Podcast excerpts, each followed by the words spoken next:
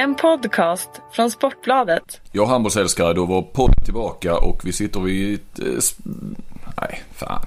Vad är det med det? Ja, jag vet inte heller vad det är. Nej, nej, precis. nervös. Ja, men det är ju fan två, eh, två legendarer som är runt bordet.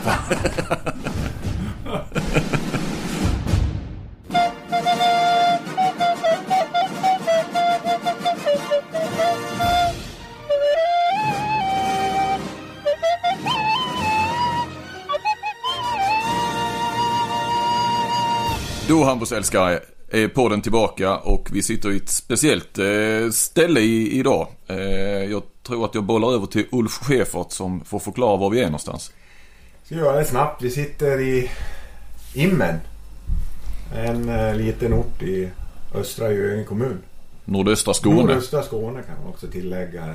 Och eh, vi sitter i ett hus som är som heter Gyllingalänga. En byggnad från 1850-talet som har varit både statarlänga och affär och vanliga lägenheter. Och idag är det ett eh, enfamiljshus som vi bor i, jag och min fru Anita. Och vi driver också en liten bed and breakfast-rörelse här. Med fyra rum, åtta platser. Över där blir det hotell va? så att eh, då är det helt andra krav. Men vi har där på sommaren. Man får öppet 100 dagar så att det passar alldeles lagom. Ni, är det, eh, kan man boka i sommar? Är det några rum lediga? Ja, jag tycker vi har precis det vi ska ha liksom i, Ja. i bokningar. Och, Nej, men jag tänkte om Ja. du kan ju få göra lite reklam här. Ja, det går att boka. Och, och, um, det är väl i och för sig min fru som sköter just den Ja. delen och jag är väl mer då John Cleese som far omkring här och interagerar socialt med gästerna som kommer. Och, men det är roligt för det dyker upp folk. Ibland kommer de på cykel och stannar, ibland är det för beställt. Och jag hade faktiskt för något år sedan kom eh, Tom Prahl, ni som är, alla som är fotbollsälskare vet vem man är. Och Jerusalem kom hit och bodde här. Så det blev ju fotbollssnack till halv fyra på natten här och grillning och så. Och visade sig också att han hade väldigt gröna fingrar för det har ju inte jag. Vi har ju en Mm. rätt stor trädgård här bara, så han gick runt dagen efter med min fru och visade hon vad man skulle kunna göra och sånt. Och, så det var trevligt. Det är lite sådana saker. Och folk kommer tillbaka. Jag har haft folk från i stort sett hela världen. här. Australien, Sydamerika, Skottland. De kommer och det är en del släktträffar, bröllop. Eh, så är det vanligt eh, folk som har semester. Den är ju fin sjön att paddla i. Det finns ju ett kanotcenter här. Och liten barplast och så. Bla, bla. Det är väl, påminner väl lite om Norrland fast det ligger i Skåne. Mm. Då trivs du. Ja, jag brukar trivas överallt. Liksom. Jag brukar inte ha något problem att trivas. Det var ju alltså eh, dagens gäst som snackade och vi sitter runt hans köksbord. Och det gör ju även professorn. Ja. Hej hej. Jag har faktiskt också varit i himlen under min eh, barndom höll jag på säga. Men Ja. På den tiden jag var eh, lärare så hade vi lägerskola här i himlen och en fantastisk eh, sjö att paddla i. Mm. Det var paddling och eh, terränglöpning och orientering. Kör du hårt med? Jag körde hårt med mina elever på den tiden. Vi är ju här tack vare, ja jag höll på att säga Kentari är ju tack vare, jag fick ju skjuts av dig hit från, eh, från Kristianstad dit jag kom med tåget. Men vi är här också tack vare eh, iPlay.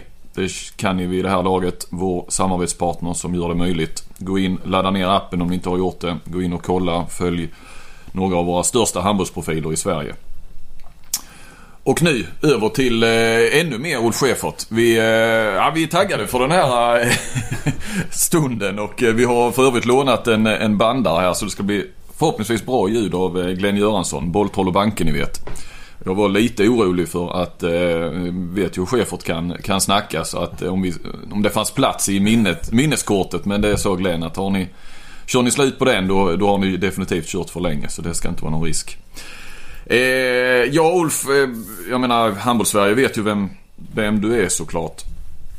Eh, I stora drag. Men jag tror ändå att eh, vi har ju några yngre lyssnare också. Att du har ju en fantastiskt lång karriär och jag tänker framförallt på tränarkarriären.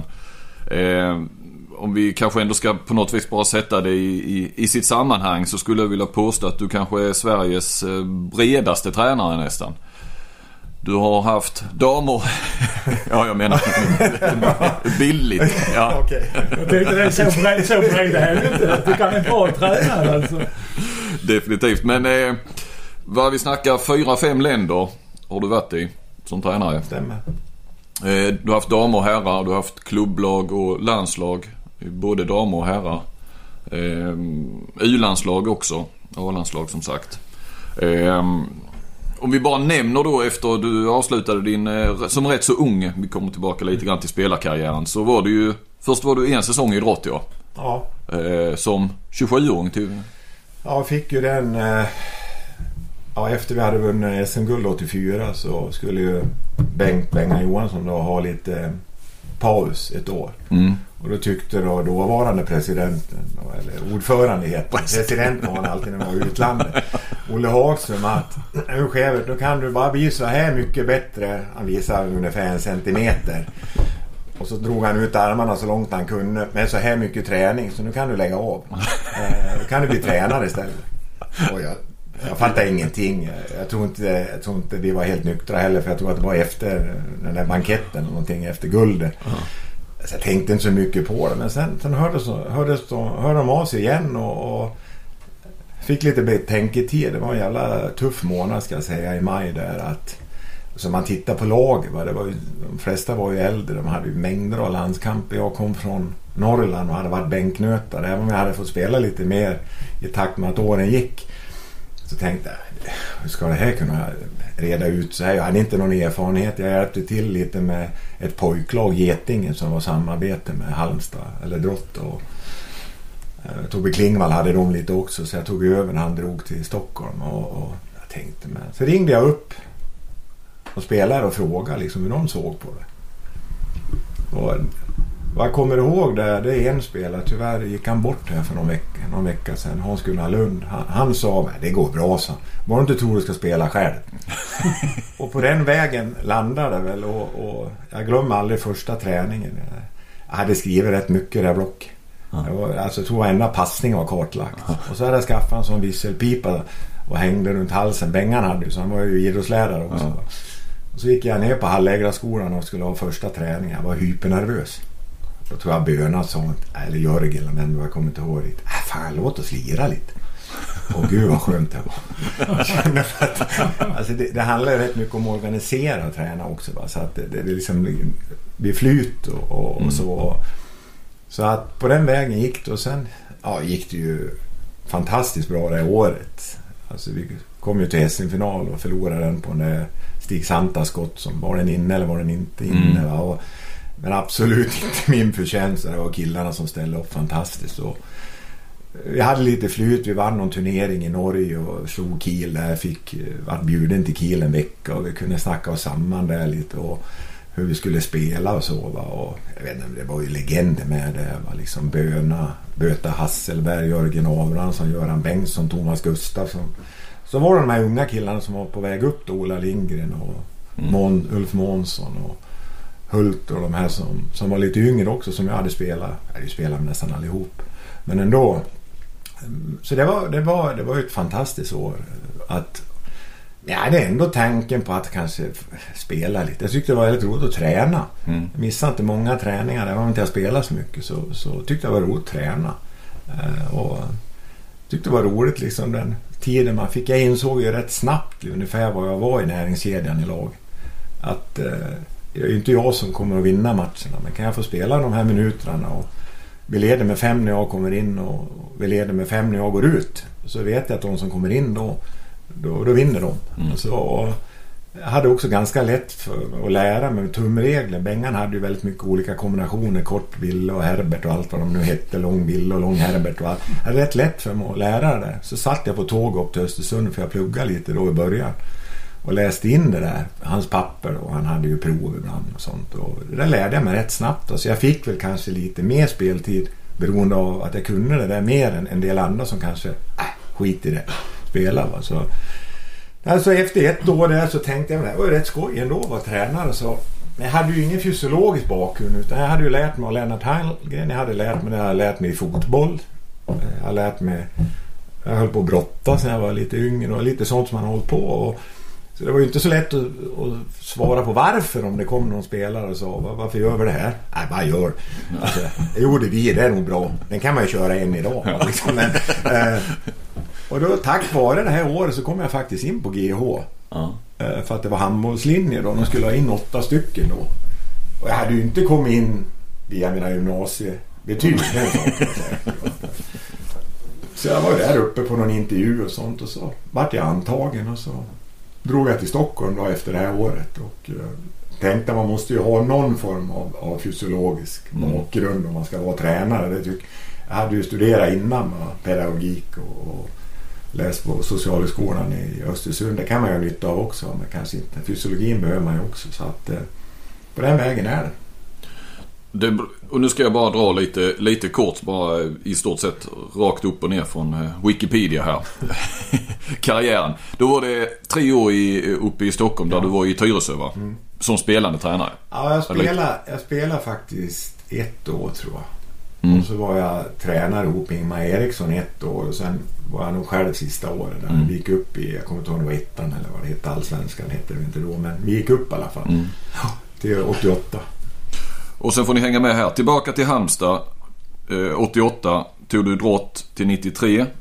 Sen var du i Danmark både herrar U och herrar A lite va? Ja, börja med herra A. Det var rätt roligt. Herra U då, ni, födda 75 var de, 74-75.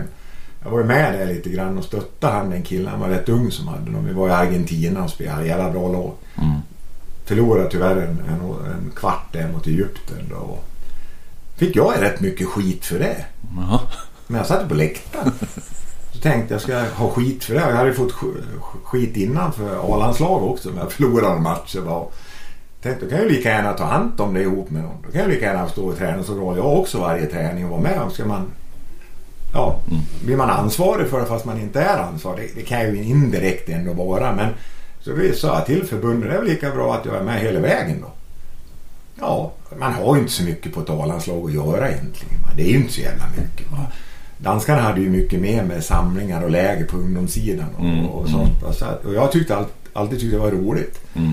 Ja, ja, men så jag kamperade ihop med Kurt Nilsson. Vi började med ett juniorlandslag där, födda 76 där. Och så var jag med hela vägen fram till VM där under de U21 i 97. Mm. Och allt det, inte, det krockade ibland men då, då var det ju ja.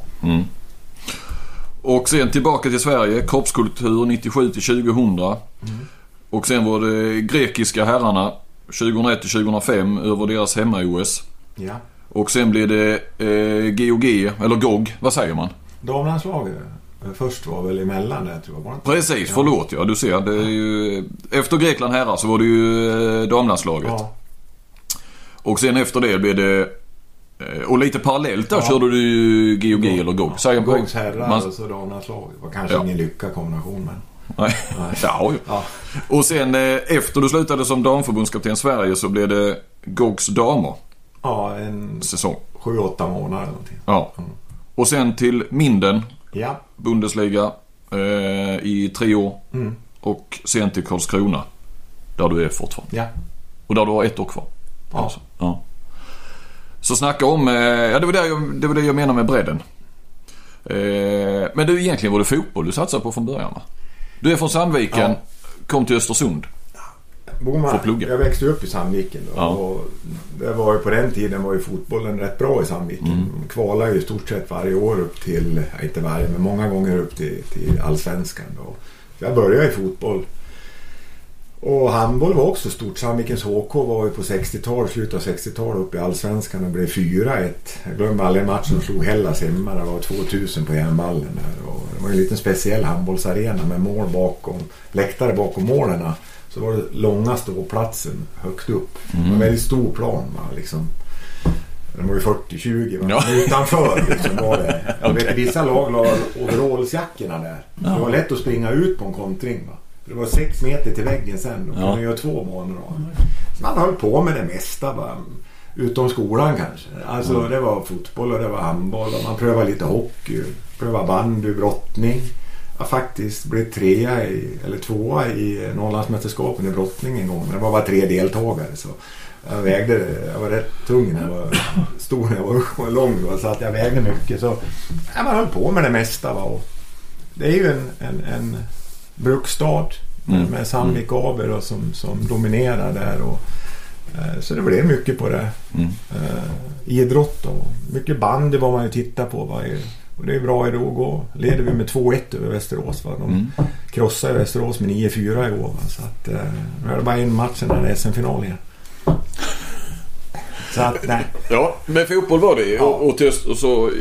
Nej, sen... eh, Jag gjorde ju några matcher då i division 2 där. Vi blev ju tvåa efter Västerås de gick upp. Det var utan kval då. Mm. Västerås vann då och vi blev tvåa och sen jobbade ju på Sandvik. Det gjorde ju de flesta. Va? Man slutade ju. Jag gick ju två år i social linje som det hette då. Mm. Jag var där i två år kan jag väl säga. Och, Mm. och sen hade man ju jobb. Man slutade fredag på sommaren Ja. den 6 juni då man slutade. Och sen då den 8 9 på måndag så hade man jobb nere på, på, Ja. på eh, järnverket som vi kallar det då. Ja. Så jobbade man och gjorde lumpen och började fundera på vad, vad man skulle göra. Och så ja, sökte jag till skolor, kom in. Ja, mina betyg var ju inte lysande så man fick ju ta det man kom in på. Va. Så kom jag in på social, Socialhögskolan, det heter förvaltningslinjen då. Inte den här sociala biten utan mer den här vid sidan av. Och flyttade upp dit och fortsatte att spela fotboll där i IFK Östersund. Jag fick faktiskt inte gå till OP för de låg i samma division som eh, eh, SEF då, eller Sandvikens IF. De ville inte att jag skulle gå dit då. Det var ju det starka laget då i Östersund OP. Så gick jag till IFK. Nej, jag höll på med handboll också i Östersunds HK. Mm. Och spelare fick Bosse Pettersson som tränare, jättebra tränare. Och, I fotboll ja. Ja. Som är expert idag i ja, Viasat. han är med. ja. Och, eh, han flyttade upp då och blev tränare och det var jätteroligt. Va? Och körde parallellt och det gjorde många då på den tiden. Spelade fotboll och handboll och sånt. Och var med rätt mycket på träningsmatcher och sådana saker och grejer. Men sen när det drog igång då fick jag inte vara med. Så, var, så hade handbollen ett gott gäng också. Vi spelade i division 2 norra. Det var ju fantastiskt fina resor. Kiruna borta och sånt. Mm. Åka fredag hemma söndag. Men vi hade ett roligt gäng där också. Så att, sen blev det mer och mer handboll. Jag kan nog säga handbollen passade mig nog bättre också. Jag var lite långsam och trög i fotboll. Och jag var inte tillräckligt rappt. Och spelade ju markerande inneback lite. Och sprang och jagade en center och nickade bort bollen ungefär. Vad det var ju det man gjorde på den tiden. Så att det blev mer och mer handboll. Mm. Ja, till slut slutade med fotboll. Sen var det ju några fruktansvärda försäsonger på fotbollen i, i Östersund. Ja, fy fan. Det var ju, kom ju in på gräs. På gräs det var ju till mässom. Ja, Så att... Eh, så det blev handboll. ja, ja. Och så blir det handboll och så blir det drott och, Ja. och det, precis, det har vi nästan eh, snackat lite grann om. Eh, och så GIH där ja. Det var det väl? Ja, du får ju nämna det här med GH. Det var ju där tre år. Gick Nej, vi klarade oss precis. Vi var sista kullen som gick två. Han gick två Ja, år, okej. okej. Men eh, vad jag vet så var det ett rätt härligt gäng som gick där tillsammans. Det var bland annat Blombeck, Mats Linda och Christer Ja. Magnusson. Christer Magnusson och så vidare. Det måste ha hänt en jäkla massa roliga grejer på den tiden. Ja, det hände. Kan du inte dra någon rolig historia Ja, det var ju det var ett härligt gäng handbollen men det var ju också eh, andra sporter som var med som var goda. Vi hade ju fotbollen med också. Va? Med eh, Erik Hamrén och Håkan Eriksson gick ju också Ah. i min klass. Och Blombeck gick upp den andra. Vi var ju två sådana här SIL specialidrottslärare som vi hette då. Ja, okej. Så vi var ju delade handbollen i två grupper då. Mm. Fyra i varje och så gick fotbollen där och så var det lite slalom. Thomas Karlsson han som var förbundskapten för slalomlandslaget ett tag och Su- Sundqvist där. Det var många där. Pia Sundhage gick också i parallellklass. Hon gick med Blombeck. Och, jag har väl en sån där fantastiskt god bild av Blombeck och Janne Olsson. Vi som är lite äldre kommer ihåg han. Mm. Som Fotbollsspelare. fotbollsspelare. VM 74 väl? Ja, Stuttgart när han plockade bort Riva. Ja, Fullständigt Ja. plockade ju bort han. italienaren. Ja, italienaren Ja, va. Och vi skulle åka upp till göra vinterutbildningen då. Det var ju liksom en vecka i Kiruna eller uppe i Kiruna fjällstation och så var det en, Mm. eh, en vecka eller vad det var i Malmberg i Dunder och åka slalom. Och så delade de lite på det. Och Blombeck och Janne de, de skulle ju börja med slalom. Och vi skulle upp då till, eh, längst upp till Lappland där. Jag glömmer aldrig, vi åkte ju nattåg upp. Jag glömmer aldrig den synen när de två kliver av på järnvägsstationen. Om det gäller var det Malmberg, det vet jag inte, det kommer jag inte riktigt ihåg. I lodenrockar och italienska skor och attachéväst. Förmodligen de enda som någonsin har klivit av så och ska på vinterutbildning. Och jag skrek till Blombeck. Utrustning, det går att hyra. Och sen bytte vi grejer bara när någon skulle upp där. Alltså det är en sån bild som du aldrig kan glömma när du tittar ut genom tågfönstret. Ja, och se, fan är det två affärsmän från Italien som kommer och går? Då skulle de på vinterutbildning. Det- Men de hade väl den tanken att man ska alltid ha stil och vara elegant. Ja, Alltså. ja. Det hände ju många sådana saker. Och, eh, framförallt Gun, Gunnar sen när han skulle iväg på, på några skidor också. Då hade han inte packat sovsäcken så han hängde efter ryggsäcken på honom. Ja, det sånt. Ja. Vi han eh, fick han sin examen? Ja, Ja. vi fick examen allihop Ja. och vi var nog rätt så duktiga tror jag. Så det var ju många som var äldre. Har inte suttit på skolbänken eh, jättelänge. Va? Och skulle börja där med biomekanik och formler och grejer. Det gäller ju att ta de verbala frågorna va? och Mm. skita resten. Va? Så hade man gått sociala hade man ju inte läst så mycket matte heller. Utan, eh, men vi klarade oss de flesta. Så att, men det var ett gott gäng och de träffas ju fortfarande många. Vi har ju något som heter SIL 2B Golf. Va? De träffas och spelar golf varje sommar. Va? Nu jag har det aldrig passat riktigt för mig eftersom vi har eh, försäsongsträningen började. Mm. Eh, Hasse Sävström han är ju någon högt inom Paralympic där, Mm. svenska kommittén. Så det var många där som har, har eh, ja, lyckats med sin ledargärning måste man ju säga. Det får man lov att säga. Ja. Men jag tänker ju då fotboll. Pia Ja. och e- Erik. Erik. Håkan Eriksson också. Va? Sören Börjesson gick ju också där. Mm. Jag har ju säkert glömt om vi hade Glenn Öst. Ja, Ja, han hade ju pingis. pingis. Va? Så att, eh, det var ett gott gäng. Det var två eh, goa klasser. Det händer ju mycket på en sån utbildning men det är ju åtta timmar om dagen. Ja. Och gud vilken träningsverk man hade och den här gymnastiken man skulle göra. Där man var ju... Var Roland Mattsson fortfarande? Ja, Roland var det. Ja. Roland var det. Men han lämnade ju över handbollen lite till oss. Ja, okej. Alltså vi gick ju en handbollslinje hette men det var ju inte så mycket handboll egentligen. Det var varje fredag. Lars-Erik Sell var rektor för oss då. Eh, Det var ju inte så jättemycket handboll. Va? Det var det inte. Utan vi fick ju lägga upp det lite själva. Och vi gjorde... Det var ju... Ja, då när Palme blev mördad till exempel. Då, då, dagen efter skulle vi till Schweiz åka ner och titta på VM i Schweiz. Tåg. Mm. Mm. Vi hade ju fått av eh, Ragge var det väl som hade gett oss en massa uppgifter vi skulle göra i Schweiz där vi, och vi skrev och vi grejade och vi hade oss där nere i Schweiz. Vi hade väldigt roligt också va, i Schweiz där. Och, eh, kan väl avslöja, Linda är ju ingen visstspelare. Alltså det är han inte. Han kan, Alltså, han kan, kortspelet, kort, ja. han, kan ju, han, kan, han, kan, han kunde ju inte ens understick. Ja, han fick sig några avhyvlingar av Blombeck den saken. Eh, Nu spelar jag rätt mycket fyrmanshäst och så. Och, eh, nej, så man var ju, gjorde sådana saker också. Va? Och det är klart, det var ju lite konfunderande när vi åkte ut Sverige. Då. Man hörde, jag klev upp på morgonen och jag bodde vid Mariatorg och satt på, man hade ju sån här klockradio. Mm, Mm, mm. mm. Gick igång med fem spelar bara sorgemusik. Mm. Och sen kommer nyheterna. Palme skjuten på, på Sveavägen där. Fan, kommer vi inte ur land? När vi, var, när vi kom till Helsingborg och åkte tåg ner och då var, sov väl lite polismän på Stockholms central var det ganska lugnt. Man funderar lite liksom så. Vi Jo, ju. Det har ju sen sagts, eh, nu kommer vi in på Palmemordet där, men det har ju sagts sen att det fanns ju inga avspärrningar. Att man Nej, inte... vi, kunde, vi kunde inte märka dem i alla fall. Nej. Så vi får ju ner där. Och, nej, vi hade väl ett gott gäng, det tycker jag. Mm. Eh, Och man har ju fortfarande träffar och har kontakt med, med, med dem man möter dem ibland.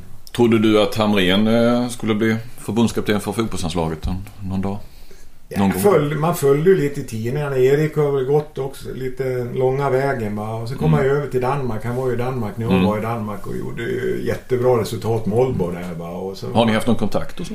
Jag träffade honom och tittade på några matcher då när vi var med damlandslag och spelade Aalborg. Då Mm. var han dit och tittade och snackade lite och så. Och sen var han, var han i Norge innan eller efter, kommer jag inte ihåg. Skitsamma. Efter? Ja, eh, det gick också bra. Sen, man Mm. förstod att han måste vara med i diskussionen då med de resultaten han hade gjort på... på nu, nu känner inte jag till så många av de andra vad de hade gjort egentligen men... Eh, nej, sen har han jobbat i förbundet många år. De jobbar ju på samma sätt som vi gjorde i förbundet med Halmstad-läger och sånt. Va? Och, Mm. och, och den delen. Va? Eh, Och vi jobbar ju med våra regionala läger en gång i tiden. Va? På Mm. 70-80-talet när man får runt som en galning och vara med. Så det, det, det är klart att det är väl inte så konstigt om man rekryterar en som, som känner till Nej, det också. nej, nej. Det är det. Var är vi? Vi är, var är vi? Vi är på Erik Hamrén just nu. Men, men om vi, ja, vi kommer kastas lite fram och tillbaka i tiden här och så vidare. Eh, en sak som onekligen sticker ut eh, Uffe i, i din gärning i idrott i varje fall. Det var ju Barcelona och semifinalen. Ja, det var ju häftigt. I Europacupen. Ja, det var ju häftigt att, eh, att vi först då, vi, vi gjorde ju många bra matcher innan som glömts lite. Men det är ju för att det är Barcelona. Vi slog ju ut Gör, de ungerska mästarna och polska mästare och grejer på vägen. Men då var ju bara mästarlagen som var med.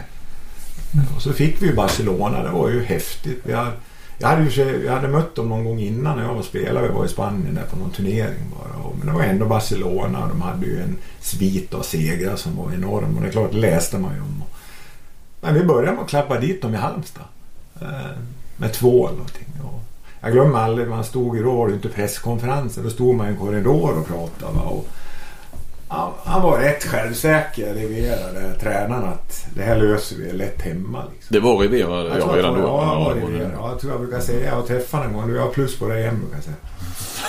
Men, äh, äh, jag tror att det var... Sen hade vi hade väl lite, de hade någon skada också. En, en väldigt viktig spelare från Duella Puente hette han, en linjespelare. En jävla bra försvarsspelare. Riktigt sånt energiknippa. Han var skadad då. Var, var, var, förlåt, vilket ja. år pratar vi om nu? 89 89, 89. ja. Mm. De hade ju de som mest känd var ju Vujovic mm. och Kallina. Eh, juggarna där. Mm. Och sen hade de väl ett gäng Oria där, en hög nia som åkte, var ju bara landslagsspelare. Kanter och Berbeto och allt vad de heter. Nej, kanske var Rumäner och de hette något liknande i alla fall. Uh, så att de hade ju väldigt bra lag. Och, men vi lyckades slå dem hemma med två. Tog väl kanske inte oss fullt på allvar heller, vad vet jag. Uh, men de var ju rätt kaxiga bara att det här vände vi lätt där nere. Och där nere gör vi ju en otroligt bra match. Jag tror vi för matchen med 6-7 bollar ett tag. Det är nästan så att deras publik börjar applådera åt oss. Mm. Eh, Ola gör ju 10 rena. Mm. Eh, Magnus bra. Gunnar Hult kom jag ihåg. Jag slängde in honom som högersexa för att Janne Jönsson skulle vila och hade bara en. Kutar in, tar bollen, slänger den bakom ryggen på en kontring till Göran Bengtsson helt fri. Va? Och så han sätter. Nej, vi spelade riktigt jäkla bra gjorde vi. Och vinner, väl, vinner den och det är väl det som kanske tycker jag är styrkan att vi kan vinna båda matcherna. Mm. Att vi vinner hemma, oerhört nederlagstippar, åker dit och vinner den också. Jo för så har ju Barcelona gjort många gånger. Ja. Förlorat bortamatchen med ett par bollar och ja. sen vet de att, eller tror sig veta ja. att de ska vinna ja. säkert och plocka igen det hemma sen. Tyvärr vet jag inte vem som har videon från den matchen. Vi hade en video på den. Det var ju gamla VHS-systemen. Jag undrar om inte Ola har den. Nej, det är han som har snott den. För han blånekar. Eller alltså... ja, då ska jag på honom. Då ska han kopiera. Ja, jag vet. För man sa det till mig när ja, de skulle Den har gått runt lite va. Ja. Ja, kan vara att Pärna har haft den också och inte sagt något. Men det har varit roligt att ha för de, det, var, det var ju en 5-6 minuter på sporten i alla fall. Men, okay. det, var, men eh, det var roligt att se den. För man, man kommer inte ihåg hela matchbilden. Så jag kommer ihåg Vujovic gjorde inte många mål där. Jag tror, han, jag tror han gjorde ett mål i slutet. Men du var oerhört påläst på dem vet du att du har berättat. Vi hade ju en match va? Jag tror vi hade fått den av Carlén eller Ebbing någonting på... Nere från Spanien ja, då? På VHS, ja, där, eller, och vi satt ju med jag och Pärna och två videomaskiner och två stycken totalt otekniska personer var försökte klippa ihop det. Och vi fatt, till slut kom vi på att vi måste kanske koppla ihop maskinerna innan det går att koppla. Innan det går att klippa. vi höll på och vi grejade. Och vi tittade fram och tillbaka. Det var ju det. Det var ju inte lätt att få information då också. Mm. Även om det var Pelle Kalén eller om det var Ebbing som ordnade åt och så Alltså det var ju videokamerans tid. Va? Man, man filmade, man hade ju videofilmare med sig överallt. Och vi hade väl inte möjlighet att skicka ner någon till Spanien och, och filma egentligen. Utan jag tror att det var från en tv-sändning också. Inte, mm. Nere från Spanien mm. som vi hade. Jag kommer inte ens ihåg vilken match det var. Då. Och vi satt ju och tittade på den. Det är klart det var ju häftigt att möta Barcelona. Och, eh, så vi, vi gjorde våra klipp där. Det var väl inte så bra. Det var mellan klippen var det Myrornas krig och lite grejer så. så men äh, jag vet inte hur mycket det betyder om det betyder någonting. Men det kändes ju rätt skoj att pröva att göra något och förhoppningsvis var det lite nytta Är det fortfarande den största prestationen av ett svenskt klubblag? Jag tycker det är svårt att värdera. Jag, tycker, jag menar Kristianstad nu klappar ju lite i Näckalöven hemma. Det är också bra. Va? Och, mm Sen är det väl lite annorlunda. Här är, var det ju knall och fall Ja. va? två matcher. Va? Alltså, eh, nu spelar man en serie. Sex lag och vidare. Ja, man Mm. spelar en serie. Jag tycker det är svårt att jämföra. RIK har ju också gjort några in Mm. mot Lemgo där eller vad det var. Va? Mm. Men att vi slår dem både borta och hemma tycker jag. Det, det, det borde väl ligga med i topp i alla fall. Tycker jag. Absolut. Ja, Absolut. tycker jag. Jag kanske har glömt något lag som har vunnit. Jag får ursäkta det. Men att det borde ligga med i topp någonstans. Det tycker jag.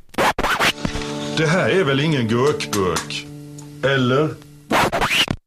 Hur mycket har era vägar eh, korsats genom åren, Uffe och Kent? Ja, vad jag kommer ihåg så, eh, så var det framförallt en resa till, eh, till Prag när Sverige blev världsmästare Mm. 1990. Mm. Då var det väl Smålands handbollsförbund Ja. som ordnade resan.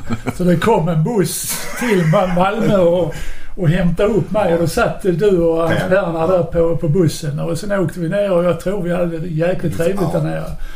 Jag vet att du höll på att tjata på mig på hemresan om någonting som hade hänt. kanske inte ska nämna det i podden där. Det hände mycket Ja, det händer mycket. Det hände ju något tragiskt. Han som var påkörd. Kommer Ja. han som är Alstermo nu va? Ja, han? stämmer. Han var helt blåslagen. Ja, och så ja. där. Eller om han varit misshandlad. Det var något Ja. sånt. Jag tror nog att han varit på någon uh, skumklubb Ja. och sådär. Jag för mig. Vid Rånal. Ja. Ja. Ja. Nej, men sen var jag ju... Där hade jag också uh, börjat etablera mig lite grann som, som tränare i Sverige. Ulf han var ju lite tidigare där som du förstår med, med, med Rotter. Och sen spelade vi lite mot varandra och sen hade vi någon tur till uh, Tyskland. Tyskland, Ja. Frankfurt och tittade på Supercup och där vet jag Blombeck också var med Ja. på den. Va? Så att, eh, ja, sen har vi hållit kontakten. Vi ringer inte varandra dagligen Nej. men jag vet när jag var i Tyskland och du var i Grekland så, så brukar vi ringa varandra någon gång då och då och prata.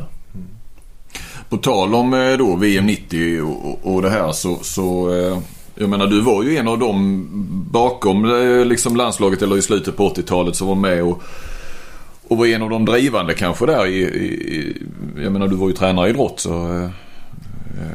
på det viset. Och jag vet att du har sagt till mig att vi var ett gäng tränare i Sverige med en otrolig passion som gjorde ta mig fan all Detta är från en intervju jag gjorde med dig för eh, tio år sedan är det nu. 2006 i samband med dam-EM hemma där ju.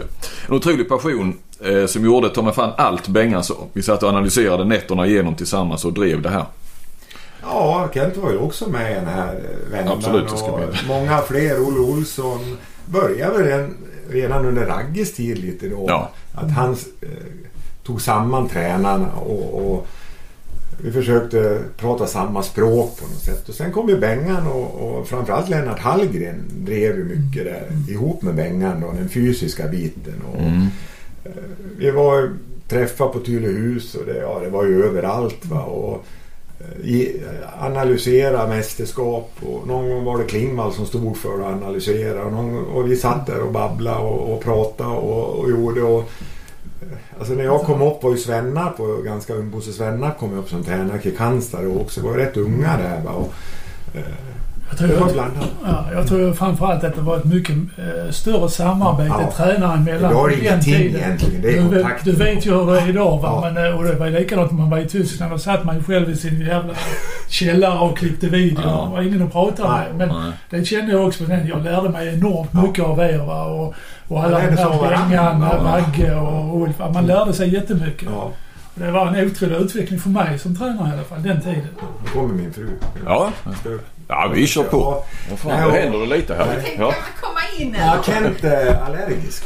Ja, ja men jag... Ä- Inte mot dig. Vi stoppar här med en gång. Hejsan, Hej, Anita. Johan, tjena. Hej, Hej, hej, hej, hej, Hej. Anita. Ja, så vi håller på att spela in. Nu? Ja. Okej. Men så, nu hände det ju någonting. Ja, Nej, det, det tycker jag är en bra sak att ta upp för att just den, den saknade jag nu när jag kom hem. Just det här liksom det här träffarna med tränarna och, och jag vet inte, jag har ju inte varit hemma på så länge då kan man säga. Och idag är det ju ingenting. Eh, Tödde och Mödde och Staffan och Ola, de var ju häcken full ändå som. Men vi har ju inga sådana träffar. Och jag märker det nu när jag börjar lite som mentor och coach, va, vilket behov det finns av det här. Va? Ja. Både då när jag var i Sävehof och hjälpte till lite i Ystad och hjälpte till lite i Norge.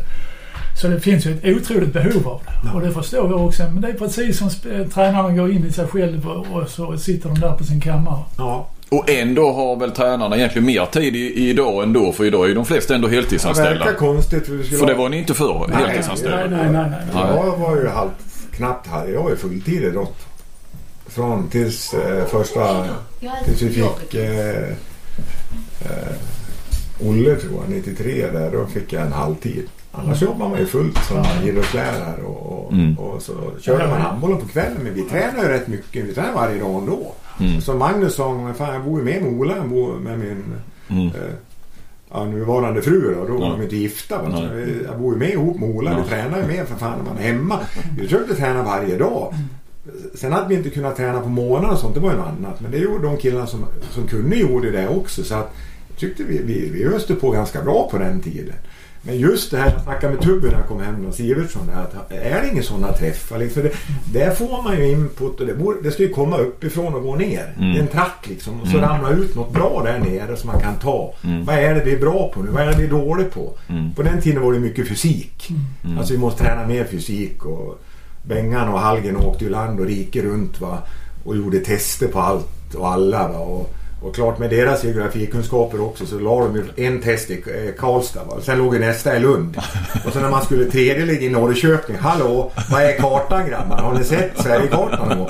Men alltså det var ju så. Va? Och det la väl kanske också, sen var ju spelarna bra och jävligt motiverade att vilja bli bra. Ragge la ju en bra grund och så kom Bengt Mm. efter och många tränare var ju med på det här. Jag saknar det idag för menar, vips så kanske man faller tillbaka ett, ett, ett snäpp och då ska det byggas upp igen. Har man ingenting då, då, då blir det ju jättetungt Mm. för de som ska, som ska leda då flaggskeppet Mm. landslag. Va? Alltså, det, det, jag försökte i Danmark och göra det var det svårt. Det kom det tre kanske. Va? Och, eh, Tyskland hörde jag aldrig om det när jag var där. Grekland var inga problem. Vi var ju med hela ligans tränare till Sverige och såg EM 2002. Ja. Jag fick ju med alla tränare till Sverige. Mm. För att de skulle se ett mästerskapet riktigt på plats då. Mm. Med spelare. Mm. Men det var ju en annan situation. Det var inför Ja. OS och då fanns det... Eller? Ja, Också, det men jag menar med Grekland ja, jag tog det med en- spelarna och så ett läger och så Ja. fick jag med tränarna. Ja. Staten gick in och betalade Ja. tränarna så att de skulle också få komma med och se. Men då låg ju ett OS i... Ja, liksom, som, i- det låg i framkant Ja, precis. Men alltså jag tror att det är jätteviktigt ja. att man gör det. Ja, för det är intressant för det har ju pratats mycket om eh, precis hur Ragge satte igång hur spelarna var den här passionen och de eh, tränade mer än vad man någonsin har gjort och sådär. Men det är ju intressant att den här passionen fanns i tränarkåren också. Och som säkert också har bidragit till det vi sen fick på, på 90-talet eller Ja, längre fram. absolut. Alltså för, vi fick ju inputterna av, av, av förbundskaptenerna Mm. som sa att ja, men det här måste vara bättre på. Ja, ja, klart. Kunde man bli bättre på något då blev ju också klubblaget bättre. Ja, Mm. men då gick man ju hem. Köpte man kanske inte allting slaviskt när det gällde spel och sånt. va. Det var, men alltså andra delar. Va? Mm. Och även analysera andra länder. Vad Mm. gjorde de Mm. bättre än vad vi gjorde? Mm. Sen var ju Sverige då ledande så under så många, många år och så tacklade det väl kanske lite. Ja, jag vet jag försvann ju 93 och så, så var jag Mm. tillbaka 97. där. Då var det kanske, han tacklade lite, jag vet inte. Sen var ju Bengan fantastisk Ja. också socialt. Ja, ja. Han, han tog ju med alla tränarna. Ja. Ville man komma runt och titta på träningarna eller bo över där de hade Ja. träningsläger det. var man alltid hjärtligt välkommen. Ja, du har ju berättat det på den tidigare. Du Blombeck, ni bodde ju nästan med laget ja, i vi det. perioder. Vi bodde ju med i landslaget i stort sett. Det var gjorde med vi när vi var i Frankfurt Ja, och tittade på. Supercup. Vi åkte ju Ja, det med var- bussen, det var- bussen och så. Och där måste man ge eh, Bengan. En stor credit Ja, för det mm. faktiskt. Jag vet vi var på, på VM i Marseille var med, med grabbarna då. Erik och Olle var nere och tittade. Vi fick ju åka med spelarbussen då efter matcherna. Det var ju inte så lätt att ta sig hela tiden och det skulle vara taxin och språket var ju inte så där bra. Franskan är ju inte flytande. Va? Jag frågat mig, kan vi åka med in till stan? Ja, det är klart ni kan åka med. Mm. Alltså det, det var så. Ja, det var, det var så. Så.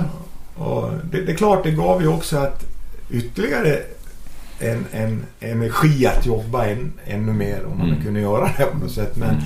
Och det tror jag att man måste tillbaka till. Jag, I höstas här så var det ju snack om att det skulle vara en träff tränare med domare. Mm. Jag, an, jag anmälde det och att det skulle vara Halmstad tror jag i samband med någon landskamp. Och det. Mm. Då blev det ingen så jag snackade med Gensel om det. Och jag tänkte kanske domarna då. Negativt. Att det var de som inte... Nej, det var för få tränare anmält. Ja. Det är oerhört märkligt om det nu har varit mycket kritik mot saker inom Mm. domarkåren och hur man dömer och allt vad det nu är. Men då måste man ju ställa upp och ha ett sånt möte. Eh, alltså, som du säger, idag är de flesta tränare kanske heltidsanställda. Det borde ju ligga i kontraktet att man åker på det. Mm. Om man vill då hjälpa till att utveckla den. Mm. Eh, Så har jag alltid känt. Nu kanske det kommer den 10 april istället. I Malmö. Du var ju i Danmark Ja. och i, flera perioder och då som sagt både klubblag och, och landslag och damer och herrar. Eh, har du någon uppfattning om varför Sverige och Danmark aldrig har varit riktigt bra samtidigt? Nej, jag tror det var tillfällighet egentligen. För går man tillbaka så var det ju, det var ju Danmark i slutet av 70-talet var de ju hyfsade. Eh, och sen så, och då var Sverige dåliga och sen så gick det om och sen så var det Danmark på 90-talet och då var ju Danmark eller Sverige på Sverige. 90-talet ja och Danmark. Och sen så kom ju då efter EM 2002 så blev det ju Danmark igen. Alltså, före min tid där i Danmark då, då, och Sverige var väl inte så bra då. Va, utan, då tror jag att det berodde rätt mycket på att eh, mängden spelare som Danmark hade då. Jag, jag tror inte de tränade bättre än vad, vad de gjorde generationen före Kent som var med och spelade då tidigt 70-tal och Mm. såna här saker. Jag tror, jag tror att vi i Sverige var rätt långt framme då också. Men jag tror att de hade mängden spelare och talangerna genom att det var andra största sporten redan då, Mm. lagsporten. Eh, Jag tror inte, jag tror inte att, att de var någon bättre tränare eller så utan de hade fler talanger helt en, enkelt. Sen började ju Sverige då titta på saker och ja, ta influenser med danskarna upplevde jag. Man tränade jävligt bra på banan. Sen var det bra. Sverige tog ett ytterligare steg och, och kopplade in Fysiken, Ulf Karlsson friidrott, Inge Johansson tyngdlyftning. Mm. Eh, Det kan man ju säga att det märkte jag när jag kom 93 att man inte hade gjort.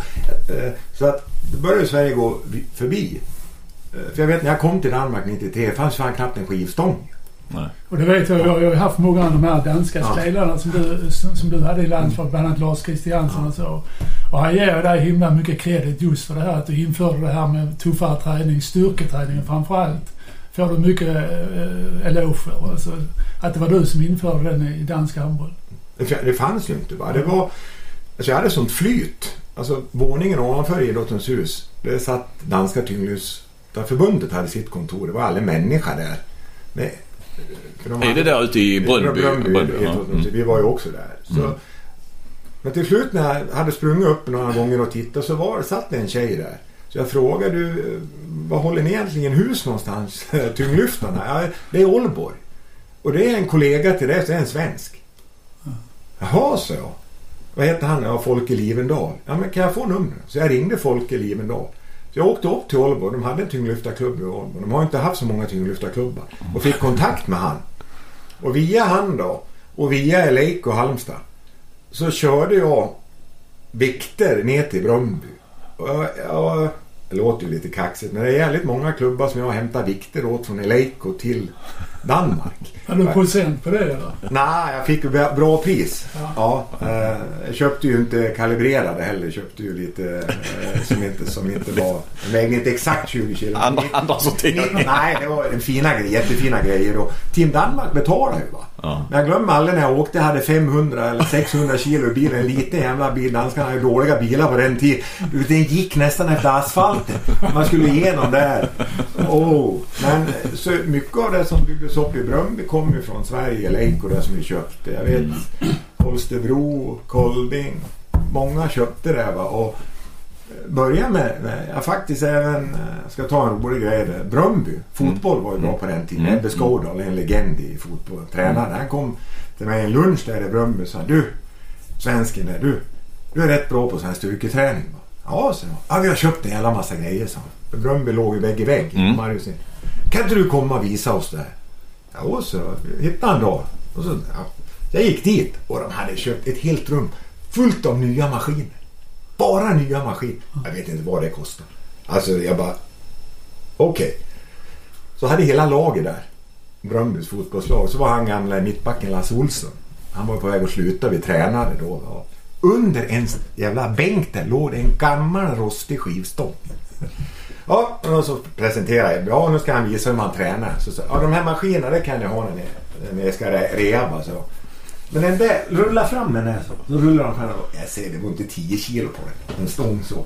Lasse kommer. Nej jag har lagt av så. Ta en annan. så tog jag. Vi börjar med den här. Och han Ebbe Skårdom. Men det här då sa han. Ja, men det kan du ha när de ska rehabba från träning och sånt. Så det är bra. Men det här, det här är grunden. Skivstången. Jag ska ha tag i de här fysioterapeuterna. Vet du vad det här kostar? Men jag gjorde det på lite skämt. Va? Och, för de tränar ju samt inne i Bröndby. Va? Bröndby fotboll också. Så att, och så kom det mer och mer och de tände och Folker och Livendal blev ju sen expert. Han åkte ju runt i Danmark och var fystränare i många klubbar. Men det var ju bara flyt. Va? Jag hade ingen aning om att det var en svensk förbundskapten i tyngdlyftning. Och sen, sen öste ju de på.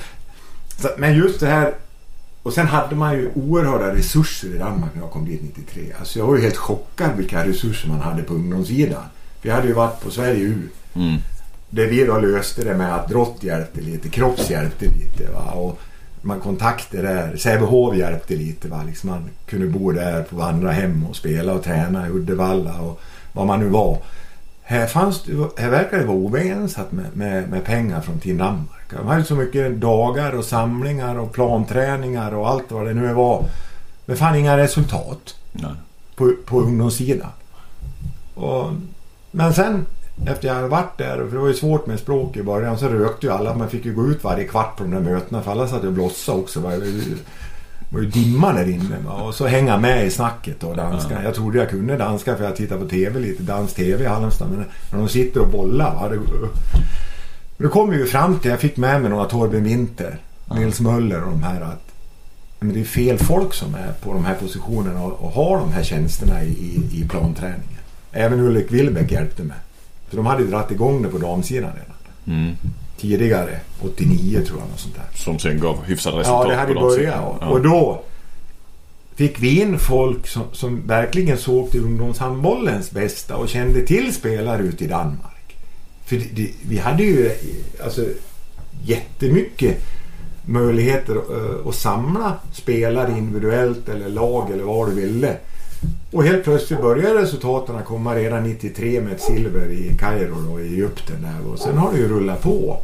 Eh, och Danmark, eh, ja, även, jag sa en gång när jag slutade då 97 där att jag tror att eh, inom en 7-8 års period kommer Danmark att vara på pallen. Sen om det är guld, silver eller brons, det, det, det, det är väl stolpe ut och stolpe in ibland. Men de tog ju medalj då i Sverige 2002. Tog man inte brons då? Det var väl första medaljen på jävligt länge. Och Danmark har ju inte mycket medaljer på senior. Det var ju för fan 67 eller någonting. Ja, ja, ja. Silver där. Mm. Men att, varför de inte är... Ja, det är svårt att... Sen kommer ju den här eh, pengar...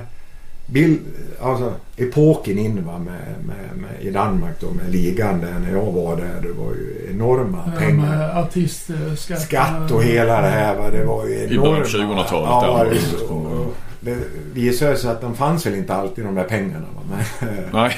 men ligan var ju Men, men stark. då, om du tittar idag, jag har fått en liten känning av att, att svenska ligan är på väg att knappa in på, det, på, på den danska ligan.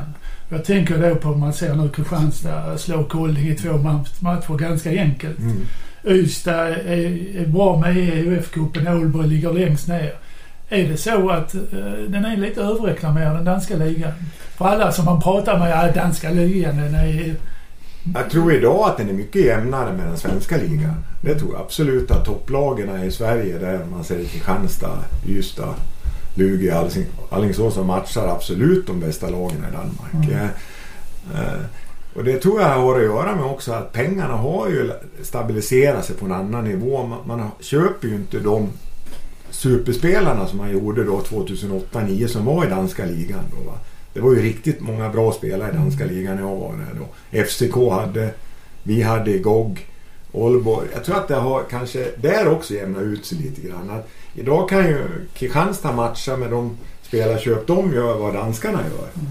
Eh, Ja, från Norge till exempel. Ja, Norge, de får ju inte, och de har ju svårt att behålla sina bästa där i Danmark också idag, va, att de, de går ut. Mm. Men då på den tiden 08 där var det ju, även danskarna hade ju bra löner. Va? Ä- Även om de gick mycket i skatt va, så hade de ju bra löner.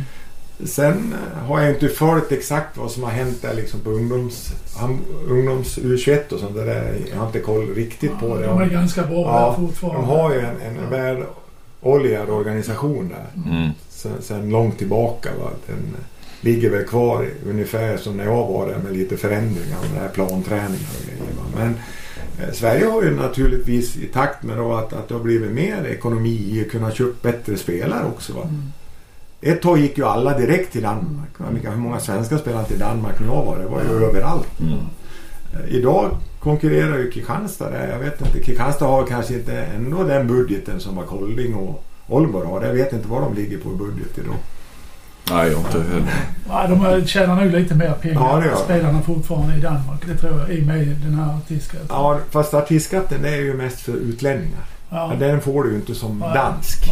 Och du måste upp till en rätt hyfsad lön innan du tror får att den. det ligger eh, uppåt en åtta, över 800 på 900 000. Om året ja. Om året. Måste du ha för att Ja, få det. jag, ja. Så det får ju inte, man ska ju inte tro det att alla som går till... Nej, jag tror att det är färre idag som får, det, får Ja. den. Men när jag var där, GOG hade ju ett damlag också. Det var ju många av de här damerna som var, hade eh, Mm. eh, artistlöner. va. Ett par norskor där som var bra. Det var ett par stycken och jag fattade aldrig med tanke på att det var inte så många på läktaren. Nej. Var fanns de där pengarna? Mm. Och vi hade också ett par på spelarsidan, killarna som hade. Mm. Däremot får ju inte danska spelarna, om de inte har bott i utlandet rätt länge tror jag, Mm, och okej. flytta hem. Det är någon sån där regel, jag kan Ja. man inte exakt. Men som sagt pengarna fanns ju inte alltid där. Vi har ju sett väl, Ja. många danska klubbar Ja. både på dam och här sidan gå omkull Ja. i- mer eller mindre. Nu vill jag prata lite damhandboll. Ja. Kan vi göra det? Ja absolut. Det brukar du ju alltid vara. Ja, jag brukar vilja prata det. Ja, men jag tänker att det har ju varit mycket turbulens nu här i svenska landslaget eh, under en massa år tycker jag. Ehm, och jag har ju själv en fru och två tjejer och döttrar. Mm. Och så jag vet ju att det är gärna så att tjejerna ska bestämma. Eh, hur var det på din tid? Och hur upplevde du att vara förbundskapten? Var det tjejerna som bestämde då också? Det kanske de gjorde. Eller vi lät dem bestämma, eller i alla fall tro att de bestämde. Och så bestämde vi ändå. Nej, egentligen jag tyckte vi hade en ganska eh, god ton i- på laget. i- Då. Eh, Vi bestämde väl träningar hur det skulle vara och spel och sånt. Men man pratar ju svensk. Man diskuterar ju mycket alltså, och pratar om det. Man pratar vilken spelplan man har. Och sen kanske vi, eller jag i första hand när jag kom då, tyckte att eh, det hade varit lite för mycket bomull. Va? Och vi kan väl träna lite hårdare och så. Det går väl. Och det är ju ingen som mår dåligt av att man är trött eller blir svettig va? Liksom ordentligt. Och det kanske vi tuffar till oss lite grann. Va? det var ju mycket, vad hette det, leende landslagen och sånt då, va? Istället för att få klappa på lite också om vi ska ha någon poäng. Eh, men alltså att, jag vill inte säga att, att, att det, det var några konfrontationer så om vem som bestämde eller inte. Det är klart, det fanns ju många tjejer där som hade åsikt, jättebra åsikter och då, då lyssnar man ju. Dummare är man ju inte. Va? Och ibland kanske det var någon som hade någon som inte var så bra och då, ja, det där lyssnar inte på. Men jag tycker väl i grunden och botten är det här väl egentligen en, en, en fråga för, för eh, ansvariga kommittén som, som utser förbundskaptenen och inte talar om riktigt. Jag, jag har inte följt det jättemycket men jag tycker inte att man måste ju komma ut med varför man tar det. Var, var, varför tar man en, en, en kapten? Oavsett vem det är. En pro- programförklaring. För, annars så tar det ju 10 sekunder så är ju den som kommer sågad. Av någon som bloggar eller vad man nu gör. Mm. Jag tycker man måste liksom... Tar man den här så, så, så förväntar man sig att det är det och det och det man vill ha ut. Jag kommer ihåg när Tobbe fick det och han är ju något år äldre än mig Tobbe och han var gammal och han var det och det och det. Det var, tog ju inte lång tid. Men jag menar, och, någon skrev, jag vet inte om det var Axnér eller om man inte var up to date. Och så. Är det Sten, nå- stenåldershandboll va? Ja, är- det något han är Tobbe så har det varit uppdaterad. Mm. Men jag menar, det var ju inget, varför tar man? Det måste ju komma därifrån, de som är ansvariga. Så Varför tog man mig till exempel då? Ja. Eller vem, vem kom efter? Sen har det kommit några efter. Va? Och nu hoppar hon av hon. Mm. Jag känner inte henne. Va? Ja, då blir det Thomas. Ja, varför tar man det? Sen kan man ju inte... Att folk hoppar av, så är det ju. Va? De Mm. vill inte mer. Va? Men är, är det för dåligt underbyggt från början då när det blir de... Eh, om det, jag vet inte om det var en skiss mellan Hell, Helle och Sivert, det har jag ingen aning om. Men om det var det eller om det inte. Men jag tycker att det måste klargöras för de som är ansvariga varför. Mm. Den här personen, oj jag slår i bordet. Jag, jag är grekiska men Ja. ja, det är härligt. Men det, det är inte så bra i... i Nej, i radio. i- Nej. Eller i podd. Ja. Ja. Men det tycker jag är viktigt. Det tycker jag är jätteviktigt för du har ju en grund att stå på. Mm. Och sen då måste man väl också säga att då får man väl ha... Om man har det, då ska man ju också en lojalitet emot de som är. Alltså något mästerskap går det bra och något går det mindre bra. Man kan ju inte bara liksom ryka bara för att man, nu åkte Siver, man förlorar en match mot Danmark inför 15 000 eller vad det var i Danmark. Det är väl ingenting som säger att man ska vinna den matchen hux flux bara. Va? Nu såg jag inte matchen för vi själva hade träning. Men jag menar, det är ingen jävla lätt motståndare att slå Danmark i Danmark i Härning in, in i boxen. Va? Det är det inte. Och så blir det helt plötsligt och, och så tar man någon spelare direkt i affekt och ja det var det och det, jag vet inte, jag orkar inte läsa sånt. Men, eh, och så, så upp ny tränare. Alltså, det på- börjar ju påminna om Grekland snart. Det är liksom byter, det är de byter tränare snabbare än annan byter skjorta. Alltså, det får alltså, jag vet inte, nu är jag ju- jag är ju gammal nog känner jag. Alltså, tålamod. Mm. Alltså, någonstans fanns ju det i idrotten för tålamod. Att Mm. Det tar tid. Det är jävligt tråkigt att träna mycket. Det är ingen cirkus med röd näsa. Då, då kan man göra något annat. Alltså tålamod. Det tar tålamod att få resultat. Det är inte bara så. Och framförallt inte tror jag på landslag. I klubblag kan du kanske köpa ihop Mm. resultat. Men det är inte alltid det lyckas med ett landslag. Och det tycker jag... Nu säger jag, jag följer inte så jättemycket men, men jag har ju saknat det. Mm. Varför ma- man, man utser tränare till, till Mm. de här posterna. Det tycker jag man skulle tänka igenom mer. Men uppfattningen utåt har ju varit att, eh, att det är spelarna, i, i, damspelarna som avsätter förbundskaptenen. Eller vad, vad tänker du när du... Eller tror du att den bilden inte riktigt stämmer? Eller, eh, Nej, jag vet ju att naturligtvis gör man ju utvärderingar och dylikt efter Mm. mästerskap och så. ja, Klingvall var det väl så? Ja, Där- ja, men jag tycker att... eh, Men du menar då saknas den här programförklaringen Ja. som alla har någonting att förhålla sig till? Ja, Mm. det tycker jag. Eh, För då, då är den ganska klar. Och det kan ju inte vara så att bara för att det går dåligt och spelarna är lite missnöjda och de som spelar lite mindre kanske är mer missnöjda än de som spelar lite mer och så avsätter man tränaren. Alltså, man får ju någon gång kanske titta på sig själv ovanifrån, som spelare också. Vad fan levererar jag nu under det här mästerskapet? Mm, eh, och det, det, nu vet jag inte om det inte har varit så, det törs jag inte säga för, för jag har inte följt så noga. Jag har inte hunnit för jag sitter i bilen. Jag lyssnar mest på Sportradion då och de pratar aldrig handboll. Det är mest eh, slagsmål med klubben de håller på med. Nej, så att... Eh, eh, det, det, det, det tycker jag med att, att det var ju lite så i Danmark faktiskt. Där hade man ju mycket att trä, eh, spelarna avsatte tränarna rätt ofta. Man hade genomgångar med spelare. Så det, eh, Mm. jag vet min exfru Britt spelar ju det. Hon, hon, hon reagerar ju lite mot det. Efter varje säsong så var, var spelarna bestämde om tränaren skulle vara kvar. Typ det var omröstning? Ja, ja, liksom, det var ju märkligt. Liksom. Men det måste ju vara föreningen, klubben, kommittén som, som sätter kriterierna för det. Ja. Och, och jag menar ett landslag är ju än värre. Det blir du väl aldrig omtyckt egentligen. Nej.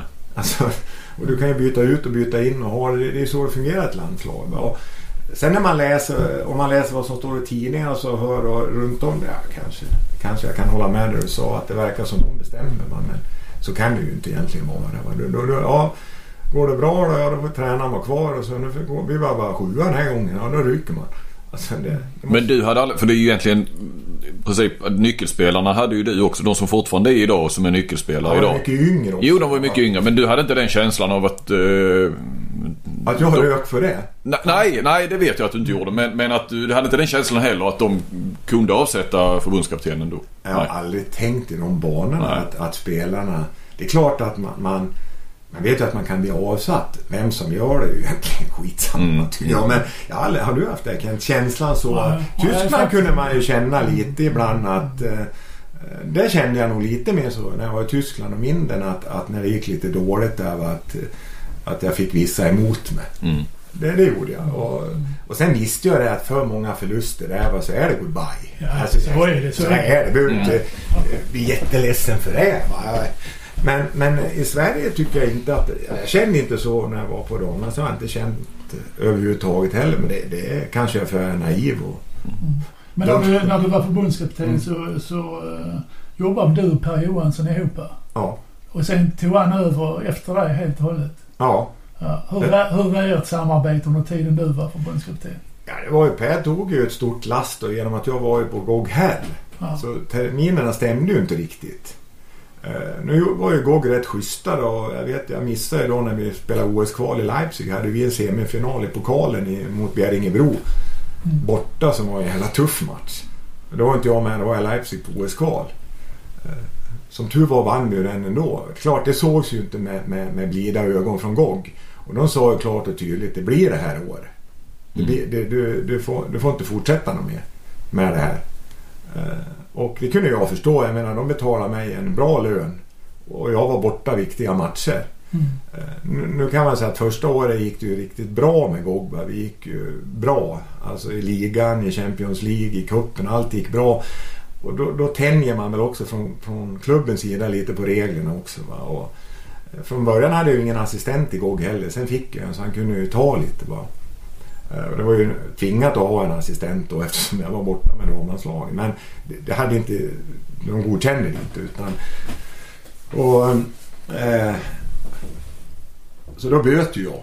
Så men Per tog ju mycket då hemma och jag försökte åka om det var något i södra Sverige och jag var ledig. Man kunde åka upp och vara med. Men Per tog ju jättemycket hemma naturligtvis. Det gjorde han. Eh, och sen då när det var turneringar och, och spel och World Cup och allt vad det var. Då, det var ju ofta i Danmark. eh, Så kunde jag ju vara med. Mm. Men eh, det var väl inte optimalt. Det, det, det ska jag säga. Därför pratade jag med GOG då. och De ville ju lämna sitt damlag till Odense. Det heter GOG Odense. Mm. Och ehm, då sa jag men då kan jag fortsätta på GOG Odense dam. Så term, terminerna bättre med, med, med damhandbollen i Sverige. Ja, det, det tyckte de. Okej, så kom ju han då Gudmundsson som är i, som förbundskapten nu. Mm, mm. Men då fick jag ju inte fortsätta på damlandslaget. Nej. Nej. Och då, det Och då hade du redan gjort klart det här med GOG att du skulle ta Ja, damerna. Ja. Eh, för det var ju på våren då jag fick beskedet från förbundet att jag inte skulle fortsätta. Och då hade jag ju fått ett muntligt ja, klartecken efter Makedonien att jag skulle fortsätta efter sommaren. Mm. Och Per skulle köra då. Vi är framme våren 2009 va? Ja, det är Mm. Hur kändes det då, det beskedet? Det kändes ju väldigt märkligt då. Nu är, nu är jag i den här gamla skolan. Jag trodde ju liksom att vad man säger gäller. Mm. Men det, det är ju inte så mer. Hade jag haft ett papper på det så hade det varit en annan situation. Men... Eh, Du beskrev det. Jag gjorde en intervju med dig precis där. ja, Du sa det var som att få en kniv i ryggen. Jag kände väl, jag, jag, jag tänkte när jag la på luren där eh, Johan att eh, jag ser rubriken framför mig. Jävligt orutinerat att säga det. Men jag skulle säga i, mina... Eh, ja, Det var väl precis vad du kände i. Ja, det var det. Och Mm. ibland kan det vara bra att säga vad man känner också. Och, Det gör du då och då. Ja, Mm. och, och då kände jag väl det. Jag tyckte att det var märkligt. För jag fick en jävla märklig förklaring till varför jag inte skulle fortsätta. Att det var, det var inte tillräckligt bra kontinuitet för jag inte bodde i Sverige. Mm. Det var förklaringen. Och, för jag frågade öppet, är det missnöje i truppen? Mm. Det frågar jag. För det kan man Är det... Nej. Nej. Är det... Ja, så frågade jag mer. Nej, det var den, det svar jag fick. Och då fick jag... Ja, ja, men det kanske är någon annan dörr öppen. Nej, här men stänger jag den dörren så jag så la på luren. Eh, nej, men jag tyckte det var konstigt. Man bestämmer en sak. Det gick väl inte så bra i Makedonien. Det blev åtta eller något sånt där. Hade de sagt resultat så hade jag köpt det. Sen Mm. kan man vrida och vända på resultaten. Mm. Den också... Vi går till OS, gör väl hyfsat men avslutar dåligt. Va? Och, eh, det är klart, eh, man kan ju alltid säga vad bra och vad dåligt resultat. Det beror på vilken jävla sida du sitter på. Mm. Eh, så det hade jag ju köpt mer om man hade sagt att nej det här var för dåligt. Mm med någon kryptisk förklaring om kontinuitet och grejer. Det, jag trodde det var resultaten som räknas på den nivån. Och Sen kan jag förstå att Hej, jag Ryan Reynolds. På Mint Mobile, we like to do the opposite of what Big Wireless does. They charge you a lot, we charge you a little. So naturally, when they announced they'd be raising their prices due to inflation, we decided to deflate our prices due to not hating you. That's right. We're cutting the price of Mint Unlimited from $30 a month to just $15 a month. Give it a try at mintmobile.com slash switch. $45 upfront for three months plus taxes and fees. Promo rate for new customers for limited time. Unlimited more than 40 gigabytes per month. Slows. Full terms at mintmobile.com. en ehm, A-kapten ändå ska vara med så mycket det går på U och J och sånt här också. Men eh, det hade jag ju försökt att lirka upp då genom att ha ett damlag i Danmark istället. Jag hade ju inte behövt bytt från herrarna egentligen utan för vi, vi gick ju Och rätt sen bra. hade du ju Per som tog mycket av den biten också Ja. som assisterande. Ja, så jag, jag kände väl någonstans att, att det var väl inte hela sanningen det här. Exakt vad den är, det vet jag fortfarande. Nej, och det har ju varit lite sådana här konstiga. Jag tänker på Sivert som fick ju också gå och liksom. Nu vet vi inte heller eh, exakt varför för det vill de inte säga heller. Jag Inte förstår, utåt i varje jag fall. förstår inte vad det är så jävla farligt att säga vad det är. Nej. Alltså, det borde man väl klara. Det kanske de har sagt till Sivertsson, Ja. det vet vi Nej, inte. vet Men du jag. fick ju inte... Nej, jag fick eller den fick någon konstig. och, och den, den tyckte jag var väldigt kryptisk. Va? Och, eh, den köpte jag inte utan då... Ja, ja. Och så är det. Va?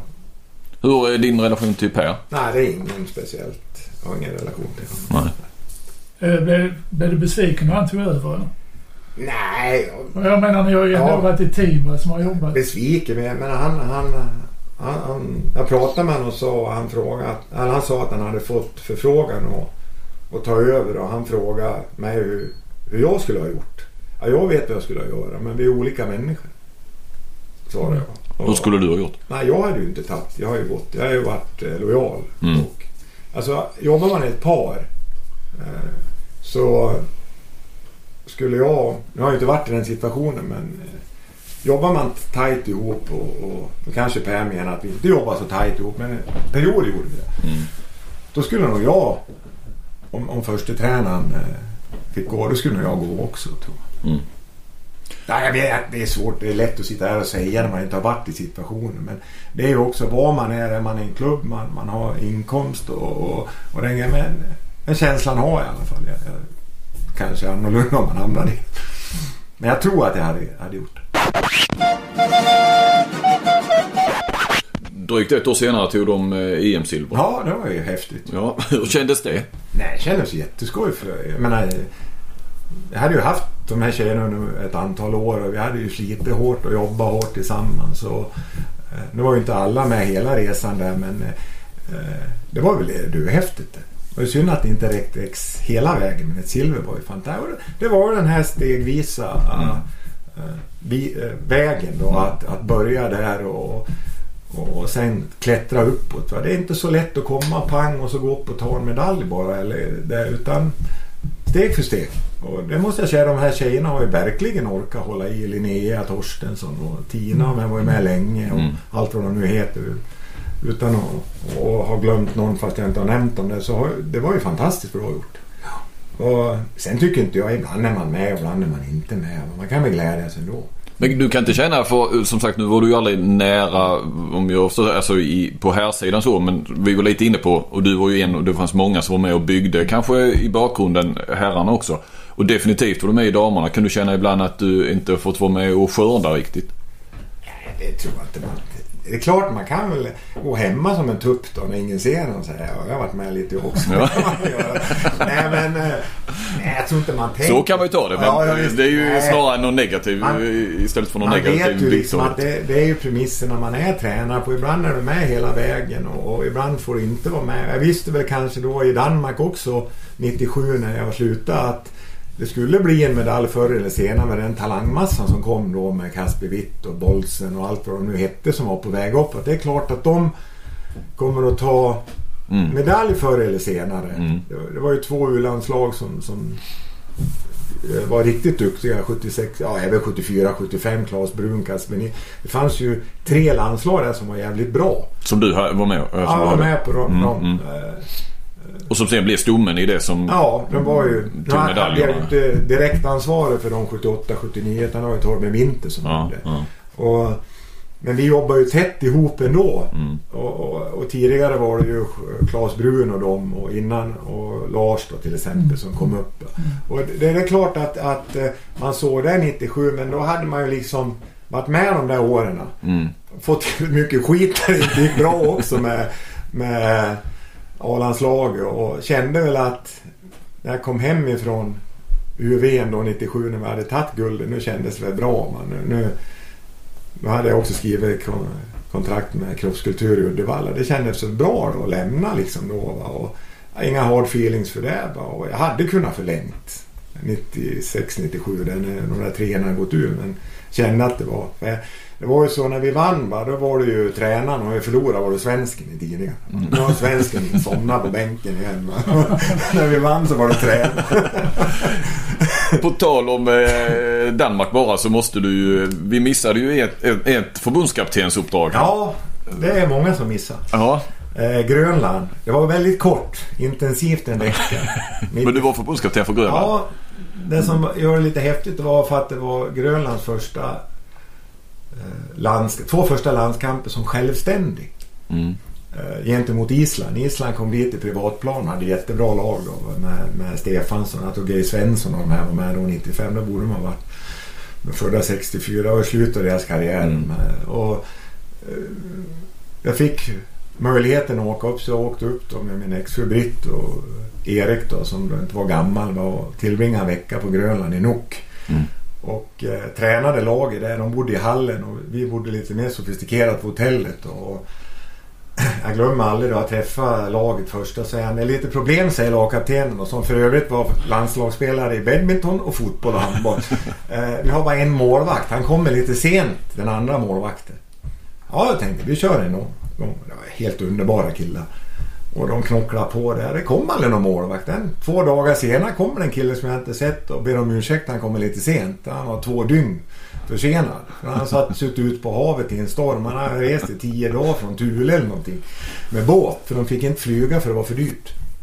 Och Thule sa du i förhållande till Ja, Norge? det låg ju liksom i, Det var ju till Rom åt andra hållet. Ja. Ja. Sånt där. Och så Thule uppåt. Det var ju där eh, flygplanen en gång i tiden störtade. Va? Med, som man säger med något radioaktivt. Va? Jaha. Där uppe, det är någon bas där uppe. Amerikanerna har ju haft mycket där uppe. Ja, okej. Men det var en häftig vecka på Grönland. Och i början så pratade ingen med mig för de trodde jag var dansk. Ja, för de gillar inte danska. Nej, och så var jag med på något tv-program där, någon förmiddags-tv på Hard Rock Café skulle göra. Då fick jag chans att berätta att det var från Sverige. Helt plötsligt så kom alla fram och snackade Nuuk där. Och, ja, det var häftigt. Det, var, det glömmer jag aldrig. Jag hade gärna åkt tillbaka. Nu var det här på vintern. Det var ju inte så kallt där, va? det var det inte. Ja, okej. Och det är häftigt att se folk gå med gevär mitt inne i stan där. Och man kunde ju inte åka någonstans. Eh, Det fanns ju skotrar och bilar men du kom ju bara inom Nuuk. Du Ja. kunde ju inte åka till en annan stad. Nej. Utan då får man ju åka båt ut ur... eh, Städerna ligger ju inne i fjordarna. Och de där fjordarna är ju inte, de är inte korta. Nej. Det är långt ut till öppet vatten och sen neråt om man Ja. ska sydpå. det. Så, så att, ja, det var en upplevelse, det måste jag säga. Du får berätta också varför du...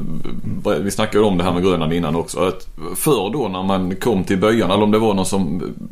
eh, Det med fruarna och det. Ja, jag träffade var, en, en dansk läkare som, som berättade. Man hade ju läst lite om det där och att när det kom någon gäst lång, som hade då skida över eh, isen då och kanske varit ute länge och, och kom till en by där det kanske bodde fem, sex stycken var- varje år. Så, så har man ju läst om att då de erbjöd då eh, mannen då frun i huset där.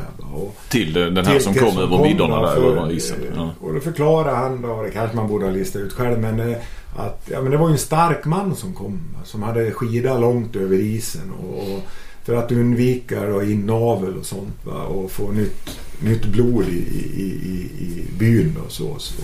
Och det kunde man ju faktiskt förstå då. Det här är väl långt tillbaka i tiden. ja, du behövde inte erbjuda Britt till Nej, nej, nej, nej, nej det, utan det, det var, men det var ju rätt intressant. Ja. Det var ju många sådana saker som läkare där att du var ju mekaniker också. Ja, Alltså du fick ju ta med prylar om du skulle flyga helikopter till en by där. Och det var ju viktigare kanske än eh, att laga skoten än att de gipsade en tumme eller någonting. Va? Det berättade han också. Så det var ju mycket roliga historier där uppifrån. Men fantastiska killar i laget också. Det var jätteskoj. De har ju fått fram en riktigt bra spelare nu. kan spela i GOG. Minik. ja okej. Ja, han spelar i GOG. Var de inte med i något VM? Jo, de har ju alltid tillhört... I VM har de ju fått spela. De får ju inte spela i EM. Nej, men i VM kvalar de typ mot eh, USA eller? USA de är den panamerikanska Ja, gruppen. ja. eller vad den heter. eller sånt. Jag tror att de var med i VM 2005 Ja. Ja. eller 3 eller någonting sånt här. Vet Ja, jag har haft en del jättebra spelare faktiskt. Ja. De har ju i danska ligan ett par stycken som spelar. Du, där hade du kanske inte riktigt eh, sådana enorma resurser och så i, På Grönland? På Grönland. Men Nej. var någonstans, du har som sagt varit i så otroligt många olika. Var har du haft störst resurser känner Nej, du? det var ju...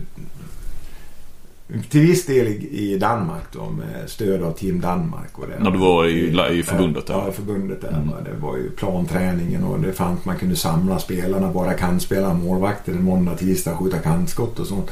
Bara man skrev ett bra papper så fick man det resurser till det Mm. och sånt. Så det, det var det bra. Sen hade vi ju fantastiska resurser i Grekland med tanke på OS som skulle komma. Och jag vet inför sista året inför OS, det låg vi tillsammans 150 lag med landslag. Mm. Så som Qatar kunde göra Ja, och, och Och det, var Sydkorea ju, gör. en- det var ju också enda chansen att egentligen få till ett, Mm. ett resultat. Nu, nu blev det ju en sjätte plats. Det var ju Ja. jättebra. Va? Det, gav, det gav ju oss en, en titel som olympisk snikis. Olympisk vinnare. Vadå? Att vi blev sexa Ja, i, ja. i handbollen där. Det gav oss, inte, mig kanske som var utlänning, men killarna där kan tituleras olympisk nikis, olympisk vinnare. Då. Jaha. Ja, eftersom alla sporter hade ju olika beroende på vad man hade levererat innan. Ja, jag hade en, en, liksom en målsättning Ja. eller någonting. Okej. Och för handbollen som inte... Och det visste ni innan? Ja, jag visste inte så mycket om det för det stod ju på grekiska. Men Ja. Eh, det roliga var ju när vi spelade femte, sjätte platsen där i Grekland. Det var ju fullsatt då. 13-14 tusen i hallen. Vi mötte ju Frankrike.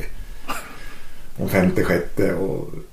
2004 var Ja, det några, alltså. 20, några var ju naiva där från, från eh, grekerna i förbundet. Nej, Frankrike skiter ju där. De spelar skjortan av oss. Mm.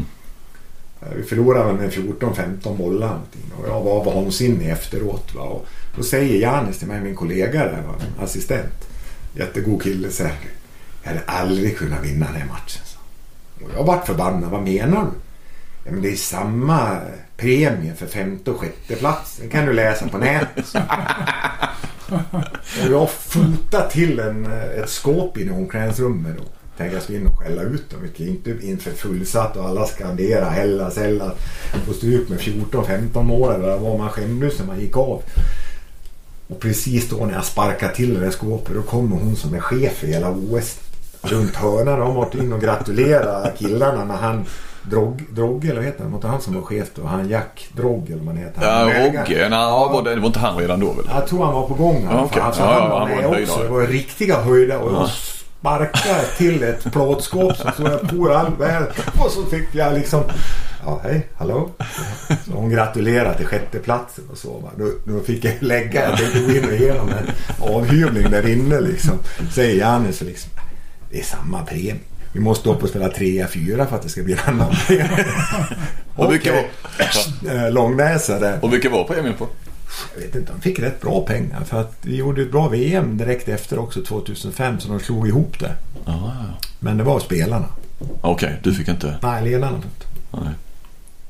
Men du, bara på tal om Grekland. Det vet jag också du har berättat. eh, Det var bud om eh, när turkarna ville upp Ja, den var, men det var ju, var i början. Jag kom ju dit 2000 på hösten, på, eller oktober, november eller vad det var. Det, kom dit första gången och körde lite träning Vilket med. år?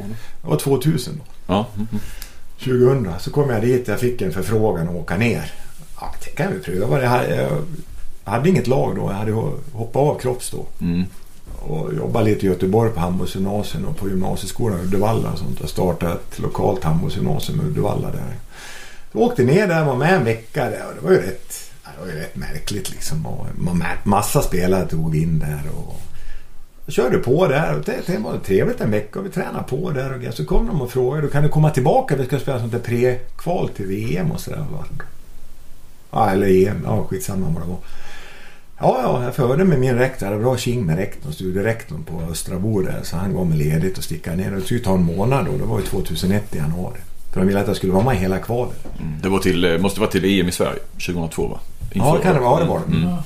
Och vi började möta Bosnien hemma. Och de kom med sina rullväskor och sig där Bosnien, segervissa.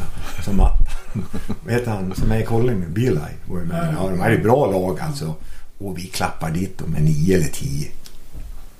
Och så då, ja nu kan vi gå vidare. Så kom vi ner och ska spela en match mot turkarna på Samos. Det var en grupp där. Förlorade med 13 sen mot Bosnien borta så vi vann ju inte inbördes. Sprang åt fel håll där.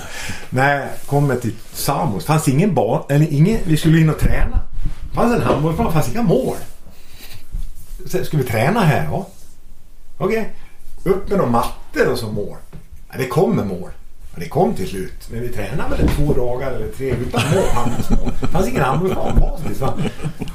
Sen när jag skulle in och spela mot turkarna då kom, kom han, jag tror han var generalsekreterare eller någonting i förbundet. Du, chefen, får jag prata med dig?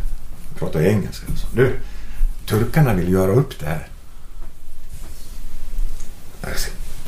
Va? Liksom, vad, vadå? Ja, vi får vinna här i, i Grekland. Och så vinner eh, turkarna i Turkiet. Och så spelar vi bort Bosnien. Då blir vi etta, tvåa i gruppen. Mm, Nej, nej, nej, sa jag. Never. Glöm det. Jag hade ju aldrig varit med om det. Nej. Men först blev jag... Ja, ja, det är, det är turkarna som vill. Ja, ja, okej. Ja. Ja. Vi förlorar. Hemma och förlorar borta. Så Ja. tänkte ja nu ryker man ju. Ja. Nej. Sen slog vi Georgien så blev vi trea i gruppen. Någonting. Så tänkte, vad ett roligt äventyr en månad. Sen fick jag faktiskt ett, eh, en möjlighet att åka ner igen och vara med på ett möte. Det var mycket svarta kostymer på de mötena. Mm. Det var ju inte någon sån kvotering kanske i styrelserna kan jag säga.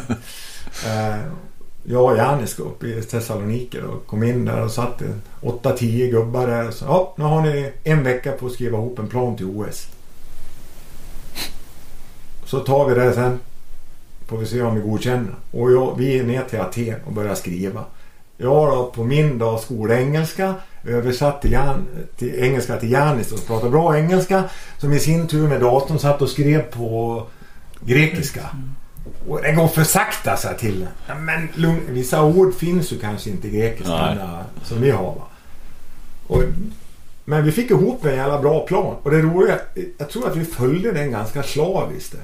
Det enda vi inte fick var en egen hall, så vi får ju runt i Grekland. Mm. Eh, Men sen följde vi, gjorde en jättebra grej där med att vi, vi klassade oss som C-nation. Så satt vi, A-nationen hade en viss poäng utifrån senaste mästerskap och B-nationen hade en viss poäng. Och så la vi ett schema att möta C-nationer så att vi kunde beta av dem. Och så något, någon A-nation då tog jag hjälp av mina kontakter. Bengan var där en vecka. Vi var i Danmark och spelade lite så. Och så såg vi under en period hur många pluspoäng vi hade. Sen nästa år gick vi upp och så mötte vi med B-nationerna när vi hade betat av då Bulgarien och de här som låg. Vi gick upp och mötte med B-nationer, inga C och så ännu mer A-nationer. Och så sista året in mot OS så försökte vi bara spela mot A-nationer. Och så Egypten mötte vi, jag vet inte hur många gånger. För de visste vi skulle kunna få i våran grupp. Jag tror vi mötte dem tio gånger. och vi fick så mycket stryk i början. Sen på slutet började vi slå dem. Ja. Och vi visste att vi fick ju gå in med lotten sist. Ja. Och det var Egypten och Brasilien och då la vi ju Grekland där. Ja. Brasilien hade vi försökt att få spela mot. Men det gick inte. Det var dyrt att åka dit. Det var det enda vi inte kunde faktiskt. Och de kom inte till Europa. Och det visste vi. Egypten slår vi. Sen tror jag att vi kan slå eh, Brasilien på hemmaplan. Inför 6-7 tusen. Och det gjorde vi. Och då var vi fyra i gruppen och då gick vi vidare. Mm. Och då hade vi en där Sen att vi skulle kunna bli sexa, vi slog ju Korea där sen också. Det var ju lite överraskande men de var ju på väg hem redan. De hade ju lagt av då liksom. Och sen fick vi en riktig omgång 56 mot, mot Frankrike. Frankrike. Ja. Så att ja, men det hände mycket där. Ta en till som är rolig. Det var ju där vi skulle in och möta Tyskland. Då hade jag ju skickat hem den bästa målvakten på natten. Och skulle banta trupperna. Han som hade varit bäst länge. Men han, När var detta då? Inför? Ja, det var 2004. Ja, i i OS alltså. Ja, ja, ja. Vi bodde ju för fan en hel månad i OS-byn. Vi flyttade in två veckor innan alla andra flyttade ut två veckor efter också. Det var billigt för förbundet att ha oss boende där. Nej, så jag fick ju banta truppen då. Och då var jag han som hade varit bäst under nästan hela perioden fram till sista läger. Då hade han slappat lite. Så vi gjorde en ranking då på tavlan. Vem som var etta och tvåa på positionerna. Som alla såg eller? Ja, ja. Hela gäng. Och då hade han gått från etta till delad andra plats den här killen. Han var bra. Han spelar fortfarande än idag. Silibaris heter han. Då eh, fick ta bort någon spelare. Då tog jag bort han och då var det cirkus på, på natten där. Han tog sin, packade ihop sin rullväska och gick. Och sen hade jag träning på morgonen. Jag skulle in och möta Tyskland först då. Det blir träning på morgonen där och det var ju svårt för folk att komma. Det kommer min manager och säger du, det är en som vill träffa dig utanför. Så garvade han lite liksom. Tog en cigg och garvade liksom. Ja, han körde klart träningen så gick jag ut. Kom ut, där stod en, två kvinnor i min ålder. Och gick fram där och visste inte riktigt vem det var. Ja, det var det hans mamma. Och jag fick med en sån skireballe som de säger på danska. En avhyvling där. Varför inte han kom med. På grekiska då antagligen? Nej, en blandning av engelska och Ja, grekiska. Jag kunde ju förstå grek, jag kunde inte prata så bra. va. Jag tog den länge men till, till slut så tände jag av själv lite där. Så jag gav tillbaka lite. men han var ju inte 18 år, han var 25. Ja. Det hamnade faktiskt ända uppe på regeringen den petningen. Jaså? För hon gick då till klubben där klubbens president var en, en högt uppsatt grek som då hade en politiker i, i eh, syntagma där. Eh, Så presidenten kom till mig i, förbundet och så tittade han och så sa han, har du tagit ut rätt målvakter? Ja. Ja, det är bra så. Jävla tur de landade på 38-37 procent hade flyt. så att, eh, och Janne sa alltid första tre åren här, det är lugnt sen. Det sista halvåret, det är då många vill ha jobbet. Och så var det. Men vi lyckades hänga kvar och få göra det. För det, det hade ju varit försmädligt att få åkt hem en vecka innan OS. Det hade ju varit, det hade ju varit långnäsa. Sen var ni, ja precis, så gjorde du VM 2005 också. Ja, Det gick ju bra där med. ja, vi var en poäng ifrån semifinal. Ja. Och Hade det gick i eh, Tunisien. Tunisien. Hade vi tagit en, en poäng mot Tjeckien, de hade inget att spela för. Kommer du ihåg, eh, jag träffade dig där, eh, vi var rätt många svenska journalister Ja. som hade gett upp Sverige där. Det gick ju inte bra för Sverige. Så jag kommer ihåg, då samlades vi alla, ställde vi oss vid dig Ja, vi istället. hade ju Vaggo också som var lite Ja precis. Ja, Ja. Jag kommer ihåg det helt plötsligt fokus flyttades där till, Ja. eh, till era sista matcher där. Ja, det var lite synd, men vi hade inte mycket att hänga upp det på en sån match. Va? Och Tjeckien hade inget att spela för. Ivrigt påhejade av fransoserna då. För att de skulle ta andra platsen där. Va? Och, eh, vi hade någon mer chans mot Slovenien, men de spelade oss. De kollade bort oss lätt. Va? Så vi blev sexa där också. Det var rätt okej. Mm. Sen var äventyret över nästan. Ja, jag gjorde ett medelhav. Jag gjorde två medelhavs-OS också. De kom ju året efter. Ja okej. De är ju rätt stora va. 01 var ju Tunisien då när de dundrade in med flygplanen i skyskraporna. Jaha. 9-11, då var ju Tunisien. Det var häftigt. Det var, eller häftigt. Det var, det, alltså, det var, jag kom in då, hade varit ute och jogga. Kommer in på, vi bodde i lägenheter där också. Det var ju en sån by också. Det är, inte, det är kanske 4000 deltagare någonting. Handbollen är alltid bra för de kommer med bra lag. Frankrike, Spanien, Kroatien. De kommer med bra lag. Serbien. De kommer med bra lag. Eh, kommer in va, och tittar, hade tvn på oss. Det var CNN. Då. Så, eh, tecknad film. Jag såg bara... Pff, Mm. och sen kom ju besked att det var Och då låste de hela... Mm. Och några länder drog ju hem direkt och vi fick ju Volkoven mot några eh, länder där som drog direkt. Och, så det, det var väldigt märkligt. Och livvakter på plan hem och grejer och sånt. Va? Och det, var, det var väldigt märkligt. Mm. Och de rekommenderar oss inte gå ut men det är liksom att han sitter där inlåst där i två veckor. Vi gick Mm. ut ändå. Så att det, och sen avslutade jag med ett Medelhavs-OS i Almeria i Spanien också 2005. Att Det, är rätt häftiga grejer. Det är ju som ett litet OS. Mm. Alla idrotter är ju inte med. va? Det är sommar. Alla är inte med. Men det är många unga talanger som kommer fram där och får visa sig. Mm. Så att, eh, det är rätt stort. Det är inte så många som känner till att det finns. Det är här uppe. Jaha, ska vi gå över lite till, eh, till dagsläget och svenska elitserien och så vidare. Din gamla drottklubb, de sliter ganska mycket. Ja. Jag tänker så här, om du hade varit chef där idag, vad hade du gjort? Högsta chef för, för drott? handbolls- Som det ser ut här och nu så är det ju så att det är ju att, att gå ner. Alltså spela sig ur och inte kursa sig ur. För då får man börja om längst ner. va. Då försvinner ju en... Ja, klart, man kan ju döpa om sig och ha rått kvar ändå och kalla det något år efter kanske går att göra. Men spela sig ur, börja om med allsvenskan. Ehm, och så försöka bygga för man har ju ändå till skillnad från många år tillbaka när jag var där så har man ju en ungdomsverksamhet då nu. Eh, med Halmstad HVP heter de eller Halmstad handboll. Alltså de, Ja, det är efter ungdom- sammanslagningen en och samma- där. Jag kan den inte utan och innan den där organisatorn. Men där har man ju en, det fanns ju inte så mycket på vår tid när vi var idrott. Ungdomsverksamheten var inget som prioriterades. Nej. Däremot fick man fram rätt många bra spelare. Men inte, totalen var inte så stor. Men man fick fram bra spelare och rätt spelare. Mm. Ola, Henrik Andersson. De kom liksom. Det är väl tradition. Eh, Det tror jag att man ska göra. sen får man väl titta över. Drott har ju alltid haft någonting som Olle och Mats och de som var på min tid att så lite pengar som möjligt till administration Mm. och byråkrati. Så mycket som möjligt ner på banan. Eh, Det kan ju vara ett sätt. Kan de komma tillbaka igen tror du? Toppen av svensk eh, handboll? Ja, det, jag tror alltid man kan komma tillbaka men det är ju ett jättejobb att göra. Och jag, jag har ju ingen inside information för jag känner ju knappt någon som är där mer än ja, när Tubby var där och så. Och, och, det var ju chock också att man, man gjorde sig av med, det har man ju aldrig gjort i Rott, göra sig av med tränare egentligen. Man sparkar en trotjänare och så. Och, så var det ju inte på min tid. Det var ju, tränaren fick ju aldrig nästan kritik när, när jag var där utan det var ju spelarna som fick kritik. Mm. Oftast var det så. Det, det, det. Men alltså, det är det man får göra, börja om. Sen om man kan komma hela vägen tillbaka, det vet jag inte. Men det verkar ju som Halmstad som idrottskommun idag har ju tappat något. Jag menar fotbollen har ju också... Hockey Jo. går väl inte heller så Nej, de, de har ju inte varit... Men det har ju varit handboll och fotboll och bordtennis har varit så. Men alltså det, det verkar som det var ju ett enormt support ifrån Halmstad kommun, i alla fall under de åren jag var där. Mm.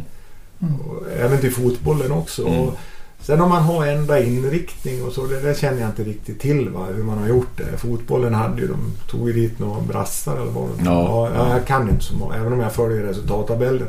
Inside kan jag inte. Men verkar som de här gamla ledarna på något sätt och vis, eh, ja, de har ju försvunnit. Och, och det, det man stod för en gång i tiden, HBK också, att plocka väldigt mycket ung talanger runt om från har, har ändrats. Va? Och det är kanske den vägen de klubbarna ska gå. Alltså under ett tag var ju Drotti jävligt duktig på att scouta spelare. Mm. Mm. Man, man fick ju...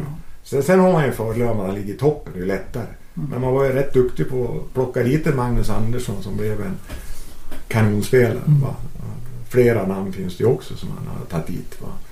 Eh, Det är väl, man- men alltså som det ser ut nu här och eh, det är klart det blir ju mycket jävla snack om ekonomier hela tiden. va. Men någonstans har man väl dragit iväg pengarna. Var någonstans, det vet jag inte. Det, det, Mm. och man har ju, så vi hade ju inte jättemycket siffror. Eller ja, men nu, nu, man har en jättestor hall som fylls med en tredjedel knappt. Mm. Och, så det är synd kanske att man rev den gamla sporthallen och kunna spela istället. Det har varit lagom nu. Ja, Mm. men lite så tror jag att man kanske... Men där har man ändå haft den här arenan som så många pratar om som en frälsare. Ja, i alltså- både inom fotboll och handboll. Bara vi får en ny arena så kommer det- det- sponsorerna och så hit och dit. Det eh, fungerar ju inte så. Va? Det, alltså, det är ju ett jättejobb att fylla de här. Menar, Alltså, eh, Kristianstad har ju... De har gjort ett fantastiskt Fa- jobb. Ja, i, även om de nu är jättebra också som lag. Men innan, de var ju inte...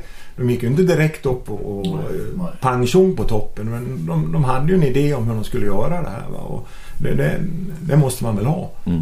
Och det, jag menar, vi ser ju också, nu har vi förlorat lite matcher i Karlskrona och inte vi samma arena. Men det, det droppar ju där också va? direkt. du Inte, det, det, du måste jobba stenhårt och få dit folk och så måste du leverera på banan. va. Folk vill ju se favoritlaget vinna också. Va? Hur ska ni göra i Karlskrona nu för att ta ytterligare ett steg och i alla fall komma upp i, eh, ja, i mellanskiktet? Ja, det är ju ett då att, att eh, det ser väl ut som det blir kanske ett kvalspel nu även om man inte ska man ska ju inte ge upp innan det är slut. Mm. Men det är fyra poäng upp till Rick och sämre målskillnad och vi har ju tuffa matcher kvar.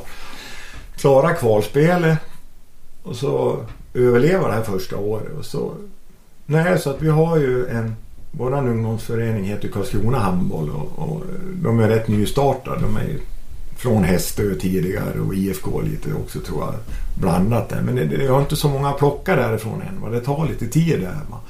Utan vi får ju gå utanför och hitta spelare då. Tyvärr är det inte så mycket utbildningar i Karlskrona heller. Va? Det är ju BTH, BTH Blekinge Tekniska Högskola. Va? Men alla vill ju inte läsa teknisk inriktning. Man har ju ingen lärarutbildning kvar. Ekonomi är nedlagt. De har sjuksköterska kan man också bli. Va? Och sen finns ju pendlingavstånd. Vi får gå lite utanför boxen. Mm. Kanske ha spelare som reser lite. Va? Hur skulle det vara för dit eh, till exempel Erik Olle Forsell Schäfert? Ja, det skulle Är det realistiskt? Nej, det tror jag inte. Alltså, det skulle ju egentligen fråga dem om... Jag, jag tror att... Jag har ju tränat dem under många år fram tills de var pojkar och pojkspelare och sånt. Va? Och, nej, det är nog inte realistiskt. Tror jag. Men inte mig emot. Nej. Sen kanske de tycker att det är inte så jävla roligt att ha farsan som tränare igen. Men jag kan väl lägga av göra Och de kanske saknar farsan så det är ett bra, bra Ja, sätt att komma dit. Nej, de har ju sina... Nu vet jag inte. Erik är väl... eh, jag tror inte han har förlängt, förlängt i Sävehof faktiskt. Så att han är nog, men eh, man får ju prata med dem. Det. Eh, ser väl inte som något egentligt problem. Det kanske var värre när de var yngre. Va? Att ha sin pappa som tränare. Va? Och, alltså, jag tror flera som har haft sina barn säger att, att man, man mjäkar ju inte med med dem. Utan Nej, det det är kanske snarare en tvärtom. nackdel att ha sin pappa. Ja. Men det är klart, det är inte så roligt att, att busa heller om du har- och hitta på tok. Va? Och om du har pappa som tränare också va? mot de andra som kunde hitta på lite bus och sånt. Va? Och nu, nu hittade vi på mycket bus vi som var ledare då. Som hade, det var ju tre som hade grabbarna med. Va? Så vi, Var det i Sävehof? Nej, det var ju Kropps. Va? Jag och så Hjalmarsson då, som spelade i Kropps i många år och Micke Karlsson. Vi hade ju pojkar med i samma lag så vi var ju ute. Så att, Så dina grabbar spelade? De Ja, vi tvingade dem att gå på disco. De som inte gick på disco, de fick inte spela. på, Vi- om- på vad då? På? Ja, när vi var på turneringar så Ja. var det alltid sån här ungdomsdisco när de var 13. Alltså, disco, ja, diskotek. ja, Ja, vi var på Rödspätte Cup och allting. Och vi tyckte, ja, de, de var lite nördiga det här laget. De låg hellre hemma och spelade kort och sånt. Det är inte en dröm för en ledare egentligen. Men vi ville ju också gå ut och käka lite ute, bara bamba mat och... Ja grabbar, ikväll är det disco mellan 8 och 1. Den som inte går dit spelar inte imorgon. och nu vi ska vara hemma och spela plum. Nej, vi ska på disco. så att eh, man kan ju vända på det också. Nej, så att vi ska väl försöka hänga kvar. Det är viktigt först. Det är ju en jävla tråkig målsättning det är det egentligen. Men det är ett tufft steg att ta sig upp det. Det är ju inte alla nykomlingar som går direkt upp där och tar den nionde, tionde platsen. Där, va? Och så tittar vi, vi har väl klart med ett antal spelare till nästa år vad jag förstått det liksom som är kvar och så fylla på där. Och, men som vi har pratat om jättemycket, vi kanske måste gå lite utanför boxen. Va? Vi har ju haft Lars pendlande från, från eh, Kristianstad. Och det är inte optimalt kanske va? men vi, vi måste göra så. Glädjande nog så är ju farmarlagen nu kanske kan kliva upp och spela kval upp till ettan. Karlshamn kanske går upp. För hela östsidan är ju död på handboll. Man säger, ja, upp till Växjö är väl på gång lite igen nu va, tror jag. Men alltså Kalmar finns ju ingenting. Va? Alltså, de vi slåss mot, va? De, de är ju liksom jättestorebror nu. Mm. Eh, Kristianstad, ja. Vi kan ju inte gå in och fightas med dem och spela. Det går ju inte. Utan vi får ju försöka hitta... Men de får ju också en hel del spelare över menar jag Kristianstad. De har väl ganska bra ungdomsavdelningar. Ja visst, det, det kan man ju Där kan ju hämta. finnas ja. lite. Men nu har du ju Vinslöv där i Allsvenskan om de nu Ja. hänger s- kvar. Det är ju Ja. ändå lite mer lockande att Ja. spela elit. Ja. Ja, ja, om ni är kvar i lite Absolut. Ja, ja, om det... Om det... Det, det är ju Ja. vinst, men nu ligger ju de lite risigt till så. De ramlar ur här. Eller de ligger på fallrepet Mm. i Ja. Vinslöv. så. Ja, ja. Men alltså det är ju det att eh, de kanske hellre går till Vinslöv då, närheten istället för dit. Vi ville ju ändå försöka ha, förra året hade vi ju fler, vi hade Viktor Röksnäs som också pendlar lite. Va? Och Mm. Det är klart du, du missar lite på sammanhållning och sånt och grejer. Och komma in i gäng. Och så har ju inte Lars varit så svårt att komma in i gängen men alltså, det går ju inte med för många men vi får tänka lite så också. Vi ligger ju bara east va, så att säga. Mm. Det, Mm. det, det får vi göra. Ulf, nästa år vad jag förstår fyller du 60 år. Det kan man Ja. inte tro när man ser det. Tack så. Vill du låna det? Jag väntar middag sen. Ja, jag får starta Men det. nej, jag jag är lite imponerad av att du orkar hålla på med det här engagemanget som du har. Hur länge, hur länge orkar du hålla på tror du? Jag har ju sagt det en gång, så länge de inte kan växla med när det gäller att snacka, då fortsätter jag. Mm. Nej, skämt åsido. Jag tycker fortfarande det är roligt. Jag, kan ju, jag ska ju inte säga att jag tycker att alla träningar är roligt, men matcher är jäkligt roligt. Ja. Eh, Det tycker jag är roligt. Det tror jag att man kan hålla på med jättelänge med matcher. Och sen kan jag ju leja ut någon kanske fysträning och löpträning. Och, och så det har man ju lärt sig med åren att göra. I början så släppte man ju inte något. Då var man med på allting. Då man, trodde man ju att man, ingen annan kunde någonting. Liksom. Men, och så är det ju definitivt. Men nu kan man ju släppa lite på det här. Och sen tycker jag att man... Alltså det blir ju lite mer mjukvara. Mjukdata när man blir äldre. Ja. Alltså man mäter inte lika mycket. Ja. Jag vet inte hur du känner själv där. Så Ett tag mätte man ju allt. Varenda Ja, ja. jävla hopp och skutt. Ja, Och, idag är det kanske mer hur man Mer mår. på känslor. Ja, hur mår man och, Mm. och så istället. Va? Och, eh, det är klart det gör det ju lite lättare också kanske. Men samtidigt intressantare att, att, att jobba med. med. Man blir ju definitivt bättre som ledare ju äldre man blir. Det är jag helt övertygad. Ja, man hoppas ju det i den alla fall. erfarenheten och den rutinen som du har. Ja, man hoppas ju det. Ja. Men sen kanske man eh, fallerar ibland. Ja. Jag kan inte säga efter igår var jag väl kanske en svalera för då var jag sur. Men han Ja, måste det ju få ut, också ja, det något är med sätt. få ut det också lite grann. Mm. Eh, Däremot så lugnar man ju sig lite. Mm. Det. Du kanske ska ta avsluta med lite kortfrågor. Vi har hållit på Mm. en stund va? Ja, det har vi. Ja, vi har en del frågor kvar här. Ja. Eh, Vi har lite kortfrågor så nu får du inte lägga ut texten Nej, för mycket. nej. Så att, det är eh, svårt ibland. Det är ju jag öppna frågor det. va. Det är inte ja och nej. Jag, jag stoppar dig om du gör det. Vilka spelar SM-final i år? På här sidan. Jag har ju tippat eh, Kristianstad-Ystad. S- Sen kanske inte det går möjligt men jag tror Jag tycker det det. är ett bra tips. Ja, jag tippar det från Ja. början. Och på damsidan då? Hur mycket följer du med på? Ja, jag följer ju det jag hinner. Mm. Det gör jag. Men Mm. eh, nu är det inte så mycket de sänder på TV heller. Eh, Jag har ju följt lite. Jag har sett lite Sävehof i Champions League och sånt. Mm. Men jag hinner inte. Men jag, jag reser ju en del va? och sitter ofta i bilen när det är. På kvällarna? Ja, på kvällarna. Sen Mm. har jag sitter hemma och klipper själv här av våra matcher och sånt. Mm. Och det, det tar ju tid. Va? Så att eh, jag försöker koncentrera mig på det så mycket jag kan. Va? Så Mm. att, men jag tror att Sävehof är ju ena laget.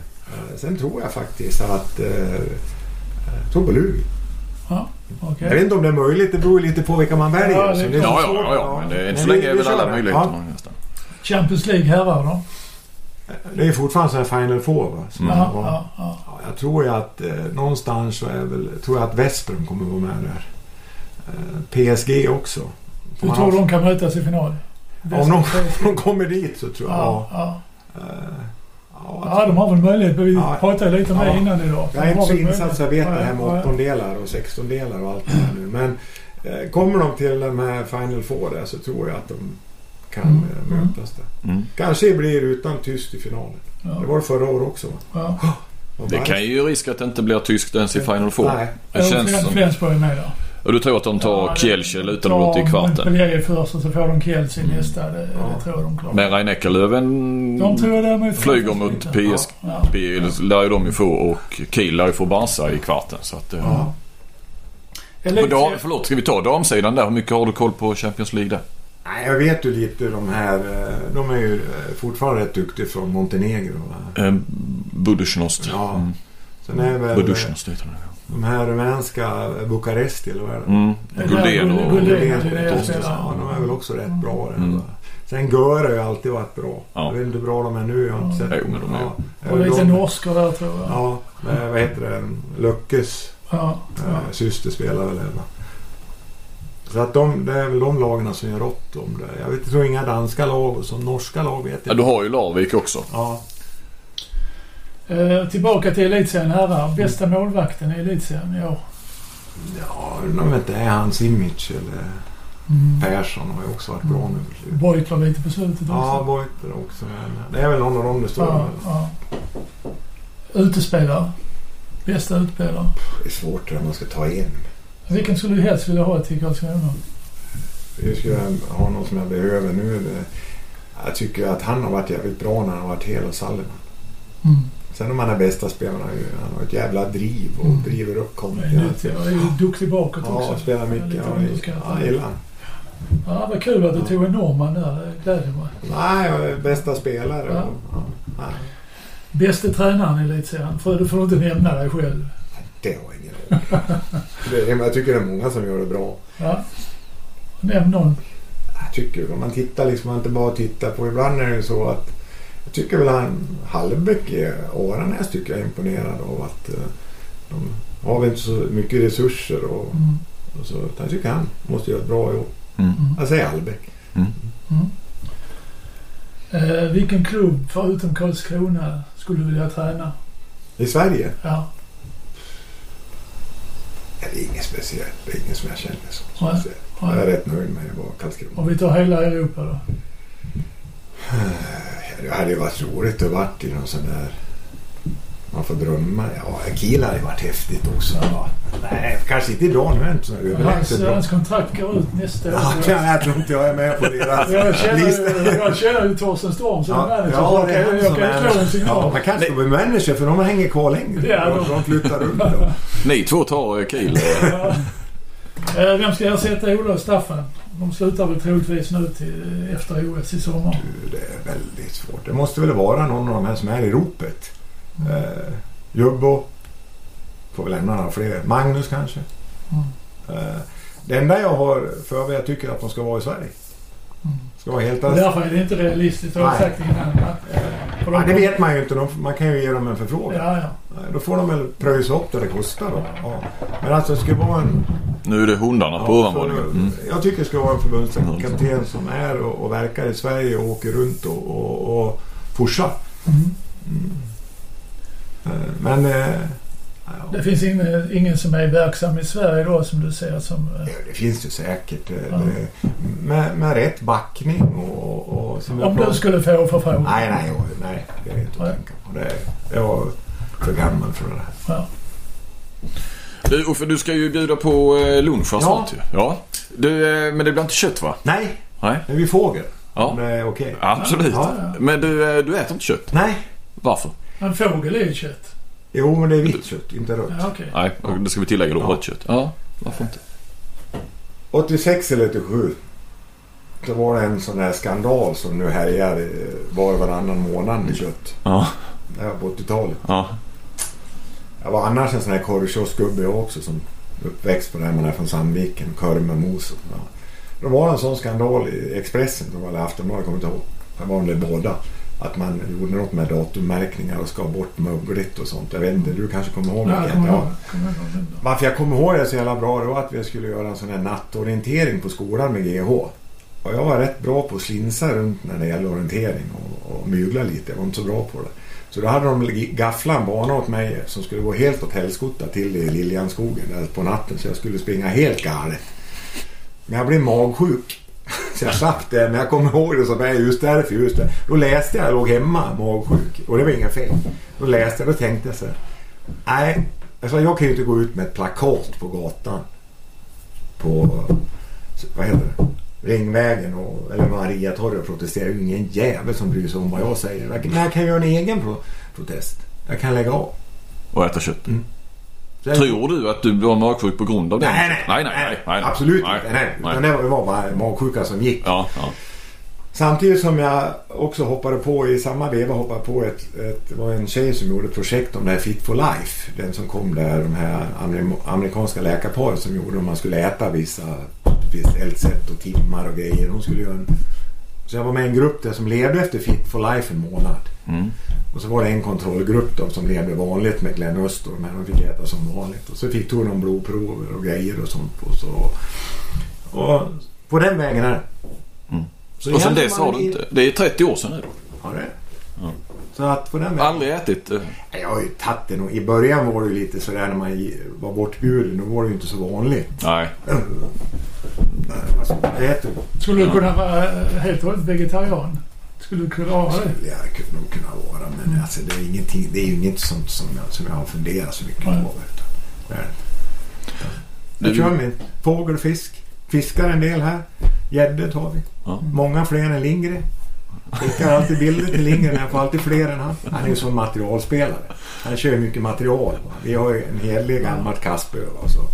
Är han här och fiskar? Nej, han, Nej. Åker, han åker ju han åker till sådana Han åker till dammar. Han åker till sådana här dammar. Där det inte går att misslyckas. misslyckas. Nej, men jag brukar skicka någon bild till honom. Man har fått. Då skickar man alltid en stor gädda som han har tagit. Men jag tar fler små. Nej. Eh, på tal om Ola. Eh, han fick väl jobbet som du skulle haft? Ja, han snodde det mitt framför näsan. Nej, hur... Eh, ja, Kristianstad 2012 där ja. Ja. Då var du i Minden och var på väg hem. då. Ja, jag hade väl bestämt. Eller vi hade väl bestämt. Anita bodde ju hemma då. Mm. där, och det var väl... eh, Ja. Man, egentligen skulle man ju hoppa när vi gick upp om man är riktigt smart liksom. Så ska man ju egentligen hoppa av. Vi hade något annat anbud utifrån världen då. Men jag tänkte nej. Vad var det för något? Eh, Jag har haft två från Saudi. Eh, alltså just Saudiarabien Ja. eller inte Qatar utan Nej, verkligen Saudi, Saudiarabien. Ja. Ja. Det var att förhandla med dem i Leipzig och utan att Hotti visste om det. Vi åkte till Leipzig och förhandlade. Landslaget eller? Ja, Ja. Var det Olle hade en gång i tiden? ja det kan man ju lite ja. Mycket pengar. Ja, det var ju minst. Det roliga var när han kom så kände jag igen honom. Han kom. Alltså den, ja, deras ja, representant. Ja, vi skulle träffas på ett fik i Leipzig. Så kom han där och gick. Kände igen honom på stilen när han gick. Så det kan man göra. Det gör du ibland också. På, jag kunde placera liksom. Så kom han fram och kände inte igen mig? Så han pratade jättebra engelska. Jo, men det var jag som var med i landslaget bäst U-landslaget spelare i Saudi då. Men vi mötte dem med Danmark. Det kommer du inte ihåg men jag var ju vänsterback. Ni är bäst. Så. Då kom jag Han sa det själv, att Ja, jag han sa det bäst. själv. Ja. Så, vit kostym kom från Prag när jag jobbade på ambassaden och upp till. Leipzig. Så satt vi där och förhandlade lite och så. Eh, Det var rätt roligt att förhandla med han där. Och så sa jag till Anita, du, får- du får fråga någon fråga du också. Ja, du skulle få bo då vid baren, sa han. Det var Bahrain. Det är bättre att bo där uppe, med baren. Han kallar Bahrain för baren. och så, så Anita, du får ju fråga. Det var ju någon sån där, vad heter det, agent med också. Så sa Anita, ja hur, hur är det som västerländsk kvinna bor här då? Titta agenten på oss. Det är enkelt, sa han på engelska. På med burkan bara och så gå. så garvade han lite så att... Alltså så att han drack bira vet du. Så jag sa ja, jag brukar prova bira när jag kommer till Tyskland. Jag Ja, vill inte du? Nej, vi ska köra vidare. Så tog han en och varmt på den den äh, dagen också. Kom riktigt jävla varmt på. Tog han en till. Du sa det, fan du kan inte bara... Så att jag, till, jag sa till du kan inte dricka massa öl, du kör ju. Kan man på skyltarna se det. Eh, Diplomat. Ja. Sen tog, nej, så det, sen hade jag en gång från GOG där också då. Men nej, alltså jag vet, jag har ju prövat att göra det i Grekland. Jag vet vad det kostar kraft. Mm. Och Saudi är ju lite större än Grekland. Som land också. Va? Det blir A och det blir U och det blir J och det blir de här kurserna där. Kurser här och där. Va? Och, Jag tror och, definitivt inte Anita hade trivts där. nej. Jag Som vet, kvinna tror jag Ja, det är rätt tufft. Och, Jag snackade ju en del med Allan Lund då, från Danmark. Ja. Han som har varit i EOF länge. Han har ju varit där och bott där. Han, han bodde i Riyadh, va, heter det va? Mm. Men- Huvudstad. Han trivdes bra va? men eh, vi, vi tog, alltså, hade vi ju då gått upp också med, med, med Minden så tyckte ju matcherna i Tyskland var väldigt roliga. Mm. Eller hur? Och så då... Alltså, Men det var tillbaka kontakt, till- Jag hade kontakt med eh, IFK lite. Men du, bara tillbaka till Saudi ändå. Du svarade aldrig på frågan hur mycket, och det kanske du inte vill säga, men hade det ju säkrat din... eh, Du hade inte behövt jobba mer? Jo, Okej. det hade jag fått. Det beror på hur många år man har varit där. Men alltså, jag, jag sa jag gör ju inte mindre än... Ska jag vara ska det vara två år. De är inte så pigga på att skriva sådana här långa kontrakt. Nej. Men alltså det, det verkar ju som det var det minsta problemet, just lönen. Så. Men sen kunde man, man kunde ju. Och det var, man skulle få bil och privatchaufför och eh, dittan och dattan och sånt. va. Men nej, jag kände liksom att nej, det här är nog för yngre förmågor att göra. Va. Men, eh, Jag vet hur mycket jag får runt i Grekland och, Mm. och grejer. Va. För det är ju inte bara ett A-landslag. Det är mycket annat du ska Mm. göra också. Mm. Ja, ja, tillbaka. IFK ja. Kristianstad. Ja, Jag hade lite kontakt med IFK. Jag bodde ju här också. Va? Så Mm. att, eh, pratade med IFK under hösten där lite 2012 också. Där, va? Och, eh, sen måste det väl ha varit över årsskiftet januari någon gång där. va? 2012, 13 Inte ett uppehåll då. Va? Va? Är det inte ett år för sent? Kom inte Ola våren 2012? Nej, han kom... Är det våren Han 2013? kommer- 13. Ja, ja. Ja, tre år Ola. Ja, ja. Okej. Men Mm. jag har varit tre i Hästö. Eller Karlskrona. Mm. Så att... Eh, nej, så var det, det är väl något uppehåll. Jag var hemma då. eh, I januari där. Så de behövde inte komma ner så de ville komma ner till Minden då. Från Mm. IFK där. och Delegation där. Nej, jag kom ju hem då. För man kan ju inte alltid vara ledig en vecka. De får ledigt killarna då efter sista matchen. Så jag åkte hem och så kom det hit ett gäng här. Jag gjorde mig till och åkte och köpte wienerbröd också. Det är en bit att åka ju. Åt upp allihop. och så satt där och pratade och, och sen så droppade de av lite efterhand där och sen eh, sista som var och så var att jag skulle få ett kontraktförslag då på mejlen. För jag skulle ju ner till Tyskland igen efter en, vecka, en vecka där. Så jag kör, körde ner och sen hörde jag inget mer och sen läste jag tidningen bara att Ola hade fått det. Mm.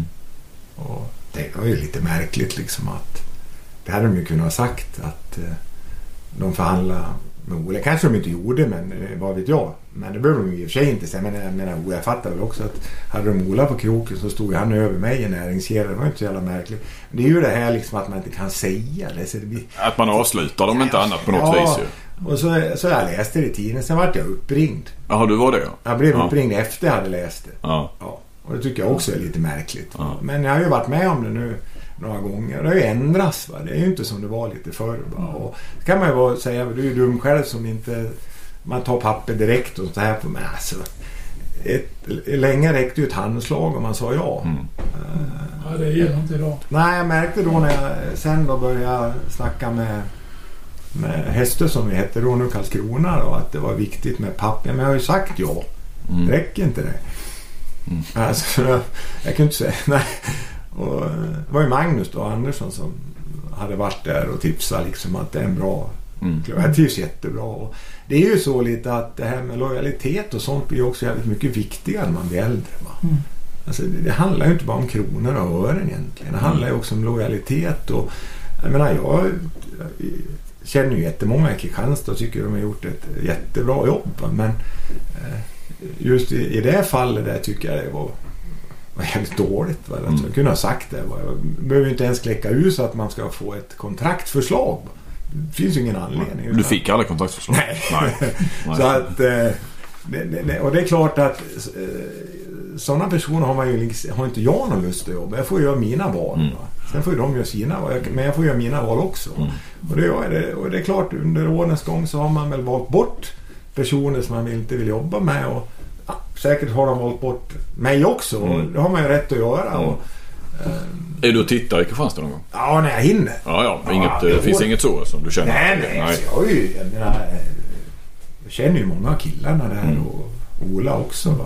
Är det något så brukar jag ringa. Nu så ringer man ju och frågar liksom. Så det, det är ingen... Det Visste Ola att eh, du hade... Inte en aning. Jag har inte Nej, frågat. jag tror jag inte han visste. Nej, Nej, inte. nej, nej så du, du snackade inte med honom något Nej, jag hade ingen aning. Jag åkte Nej. ner till Tyskland och jag vet inte vad Ola gjorde då. Ni gjorde ingenting. Nej, Ni gick bara och drog pengar från Eckerlöf. Ni Ja. Jag jobbade, jag jobbade ju. Tror inte ett Nej, jag tror Ola gjorde ingenting där. jag tror att han hade, ni hade, det var ju den, ni åkte ju också på en sån Ja, märklig ja, grej där. ja. Men klart, man lär ju sig lite av de där grejerna också, eller hur? Ja, absolut. Ja, Ja, Jag tror faktiskt Ola var... För jag jobbade lite i Sävehof faktiskt. ja det gjorde du. Det stämmer. Du, eh, en, har du fått frågan att bli svensk herrförbundskapten någon gång? Nej, Inte någon sån där direkt, lite sån här halv... eh, kom- Var det då när Kent Harry också var på gång eller? Ja, Kent då, Harry. då, i- på här sidan har de inte bytt så ofta. Så Jag glömde ju det vem som... Kent Harry har ju inte varit förbundskapten. Han skulle kunna kunna vara förbundskapten. Han är inte, han är inte gammal. Nej, men det, han har aldrig varit det. Nej. Nej. Nej det... är lite som när han spelar golf. Han, han fegar där. Mm. Men när, när, när jag har... Det är ett glidjobb att vara förbundskapten. Eh, ja men visst var det. Du eh, fick väl nästan frågan innan Ola och Staffan fick det 2008? Jag fick det, jag fick det. Efter Linnell ja. 2000 åtta var det nog. Nej, jag, jag, När var det du hade liksom ändå sådär att de kollade? Det var kollade. efter jag kom hem lite från Grekland eller innan det. Ja, ja äh, när Linnell ja. fick det ja. ja. Måste du ha varit. När Bengan slutade ja. Ja, men jag, jag hade, nog, jag hade ingen riktigt koll på svenska spelare så jag var ju i Grekland hela tiden. Jag hade väldigt dålig koll. Jag tyckte mm. man måste vara bättre up, updatad lite då om man går in på det. Mm. Så jag hade nog inte ho- hoppat på det heller då faktiskt. Utan eh, det är ju så när man... Du var ju i Tyskland många år också. Ju ingen, klart många av spelarna spelar i Ja, Tyskland. va? Mm. Men att, att börja om så. Mm, och, mm. Sen vart det ju damlandslaget. Då hade ju Per jävla bra koll på. Mm. Mm. Han hade ju varit med många år. Mm. Så att, um, det, det, nej, så att... Um, Finns det något, är det något anbud du har fått som eh, du tackar nej till som du ångrar idag? Nej, jag tycker inte man ska ångra honom. Nej men som man ändå... Det brukar vara det mest kul att höra om du... eh, Du behöver inte ångra det. Nej. Om det finns något sådär som... Nej, det, det finns det inget. Tycker Nej. jag. Det, det gör det. Utan jag tycker man är ganska klar över när man, när man säger ja eller nej. Man säger nej också. Va? Det är klart att eh, folk eh, har väl kunnat, någon har väl sagt då, liksom Saudi, du tjänar mycket pengar och visst men det, det, det krävs ju också. Och det är inte bara, du måste ju leverera något Mm. också. Det är ju inte bara liksom att det är pengar. Mm. Det är ju inte. Va? Utan du ska ju göra ett jobb också. Va? Från ena till andra, vilken är den bästa spelaren du har tränat? Jag tränar så jävla många bra spelare måste Mm. jag säga. Och spela med många bra spelare också har jag gjort. Eh, Det är olika alltså. Ja, det är ju svårt att...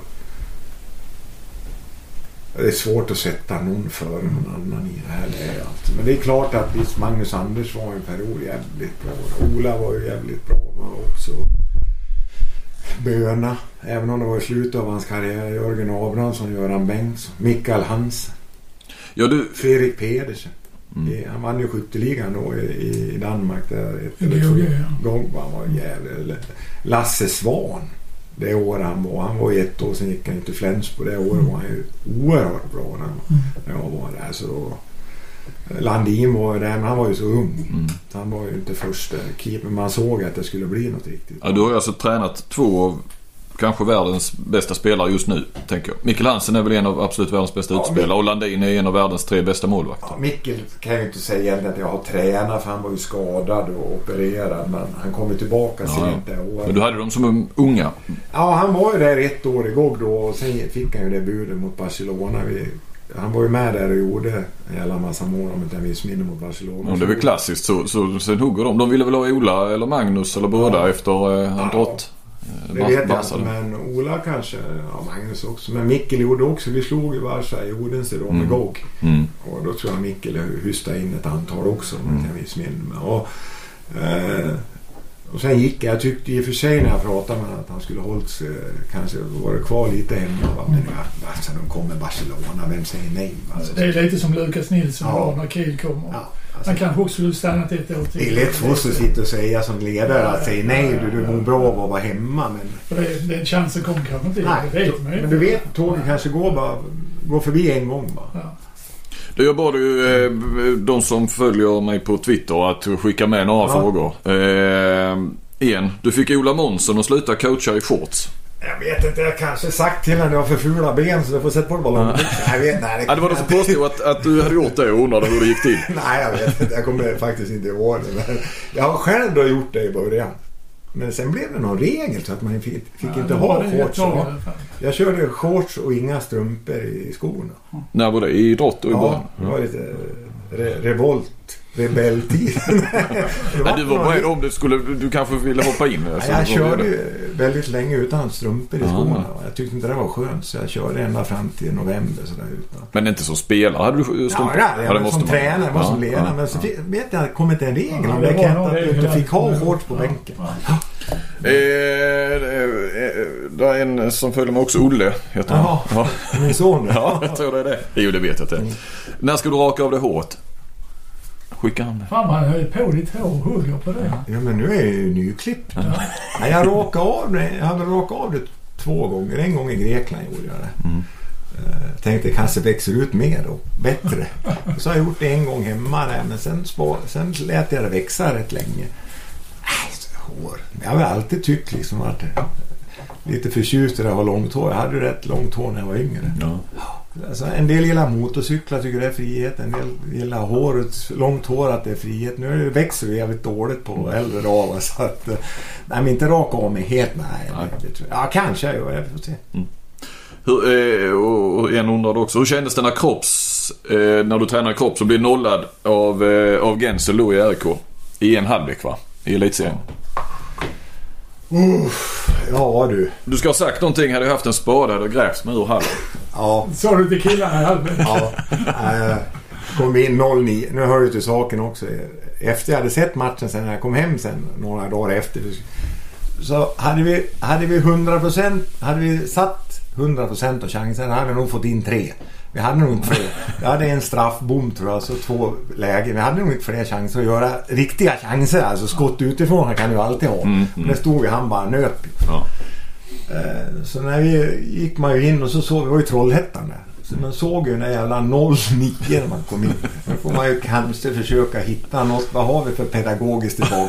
Det är slut. Ja, vi får dra till med någonting. Och jag vet, jag hade ju Mats Fransson som då Ja. hade temperament. Han var inte på bra humör. Nej. Vad hade du honom som... Som målvakt. Ja, han spelade. Han spelade ja, ja. Han hade ju också ett jävla humör. Och han var ju inte lugn där. Och Magnus Tangengård som hade varit med, liksom, han var ju inte heller så lugn. Så jag tänkte jag får ju... Och då bara slog mig, ja grabbar, hade jag haft en spade nu så hade jag fan med grävt ett hål och kryp ut genom omklädningsrummet. Det, det, det släppte väl li- det blev ju lite, kanske någon som skrattade Ja, lite ja. och Kanske inte så dumt. Jag vet Mm. inte. Alltså takt, vad säger du? Liksom 09. Och det är ju inte stenålder. Nej, nej, Nej. nej. Vad blev matchen till slut? Ja, det är det som är intressant. Ja. Och när jag kommer ut till andra halvlek, då ligger det en fotograf. Då ska han ha mig på 09-bilden. Ja. Men där har man ju varit, där man ändå varit med lite. Så jag bara steppade upp på läktaren och så gick jag fjärde bänkraden så han fick aldrig den bilden. Och matchen slutar, om jag inte missminner mig, någon 21-13 eller 21-14 eller 21 Så vi vinner andra halvlek. Så det var inte så dumt. Men när jag kom hem då till Uddevalla sent på kvällen. Då, så ringer, för jag hade gått och lagt mig, då hade jag sådana väggtelefoner som man hade förr. Så ringer telefon. Och jag tror att det var Pamela Andersson. Det var inte hon på Expressen. Mm, mm. Jag tror att det var hon. Hon kanske blir förbannad om det här, men jag tror att det var hon. Ringer och sent på natten. Eh, För vi spelar sent och Trollhättan hem. Ja, jättesent men sent för en annan då liksom. Ja, hej och presentera sig. Och, har du någon sån kommentar till 09? Och när fan skrev ni om halvtidsresultat sa jag. Pang åkte luren på. Men Sen ringde hon upp på morgonen. Så. Ja.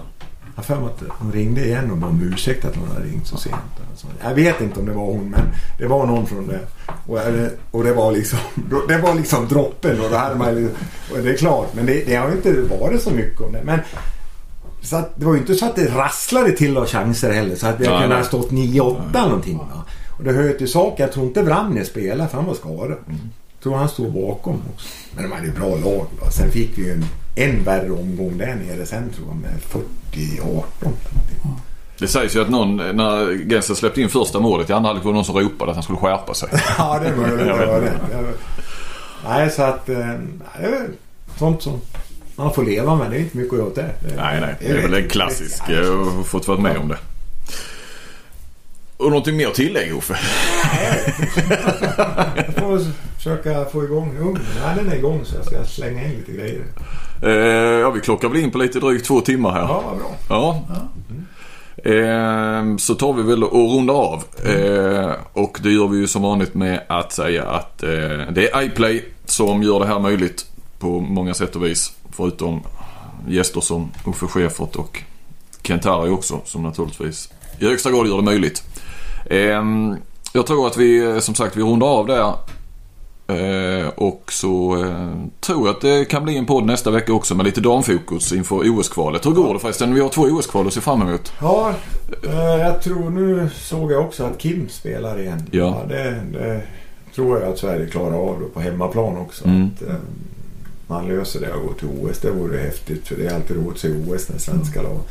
Damerna har väl lite svårare. De ska väl till Ryssland och spela Mm. också. Det, det är ju De kanske har Polen och Mexiko Ja. och Ryssland. Ryssland. Och nu såg jag att Ryssland slog Danmark här hemma också i någon Europakval va, Mm. igår. Mm. Eller var såg Är det bara ett lag som går vidare där också?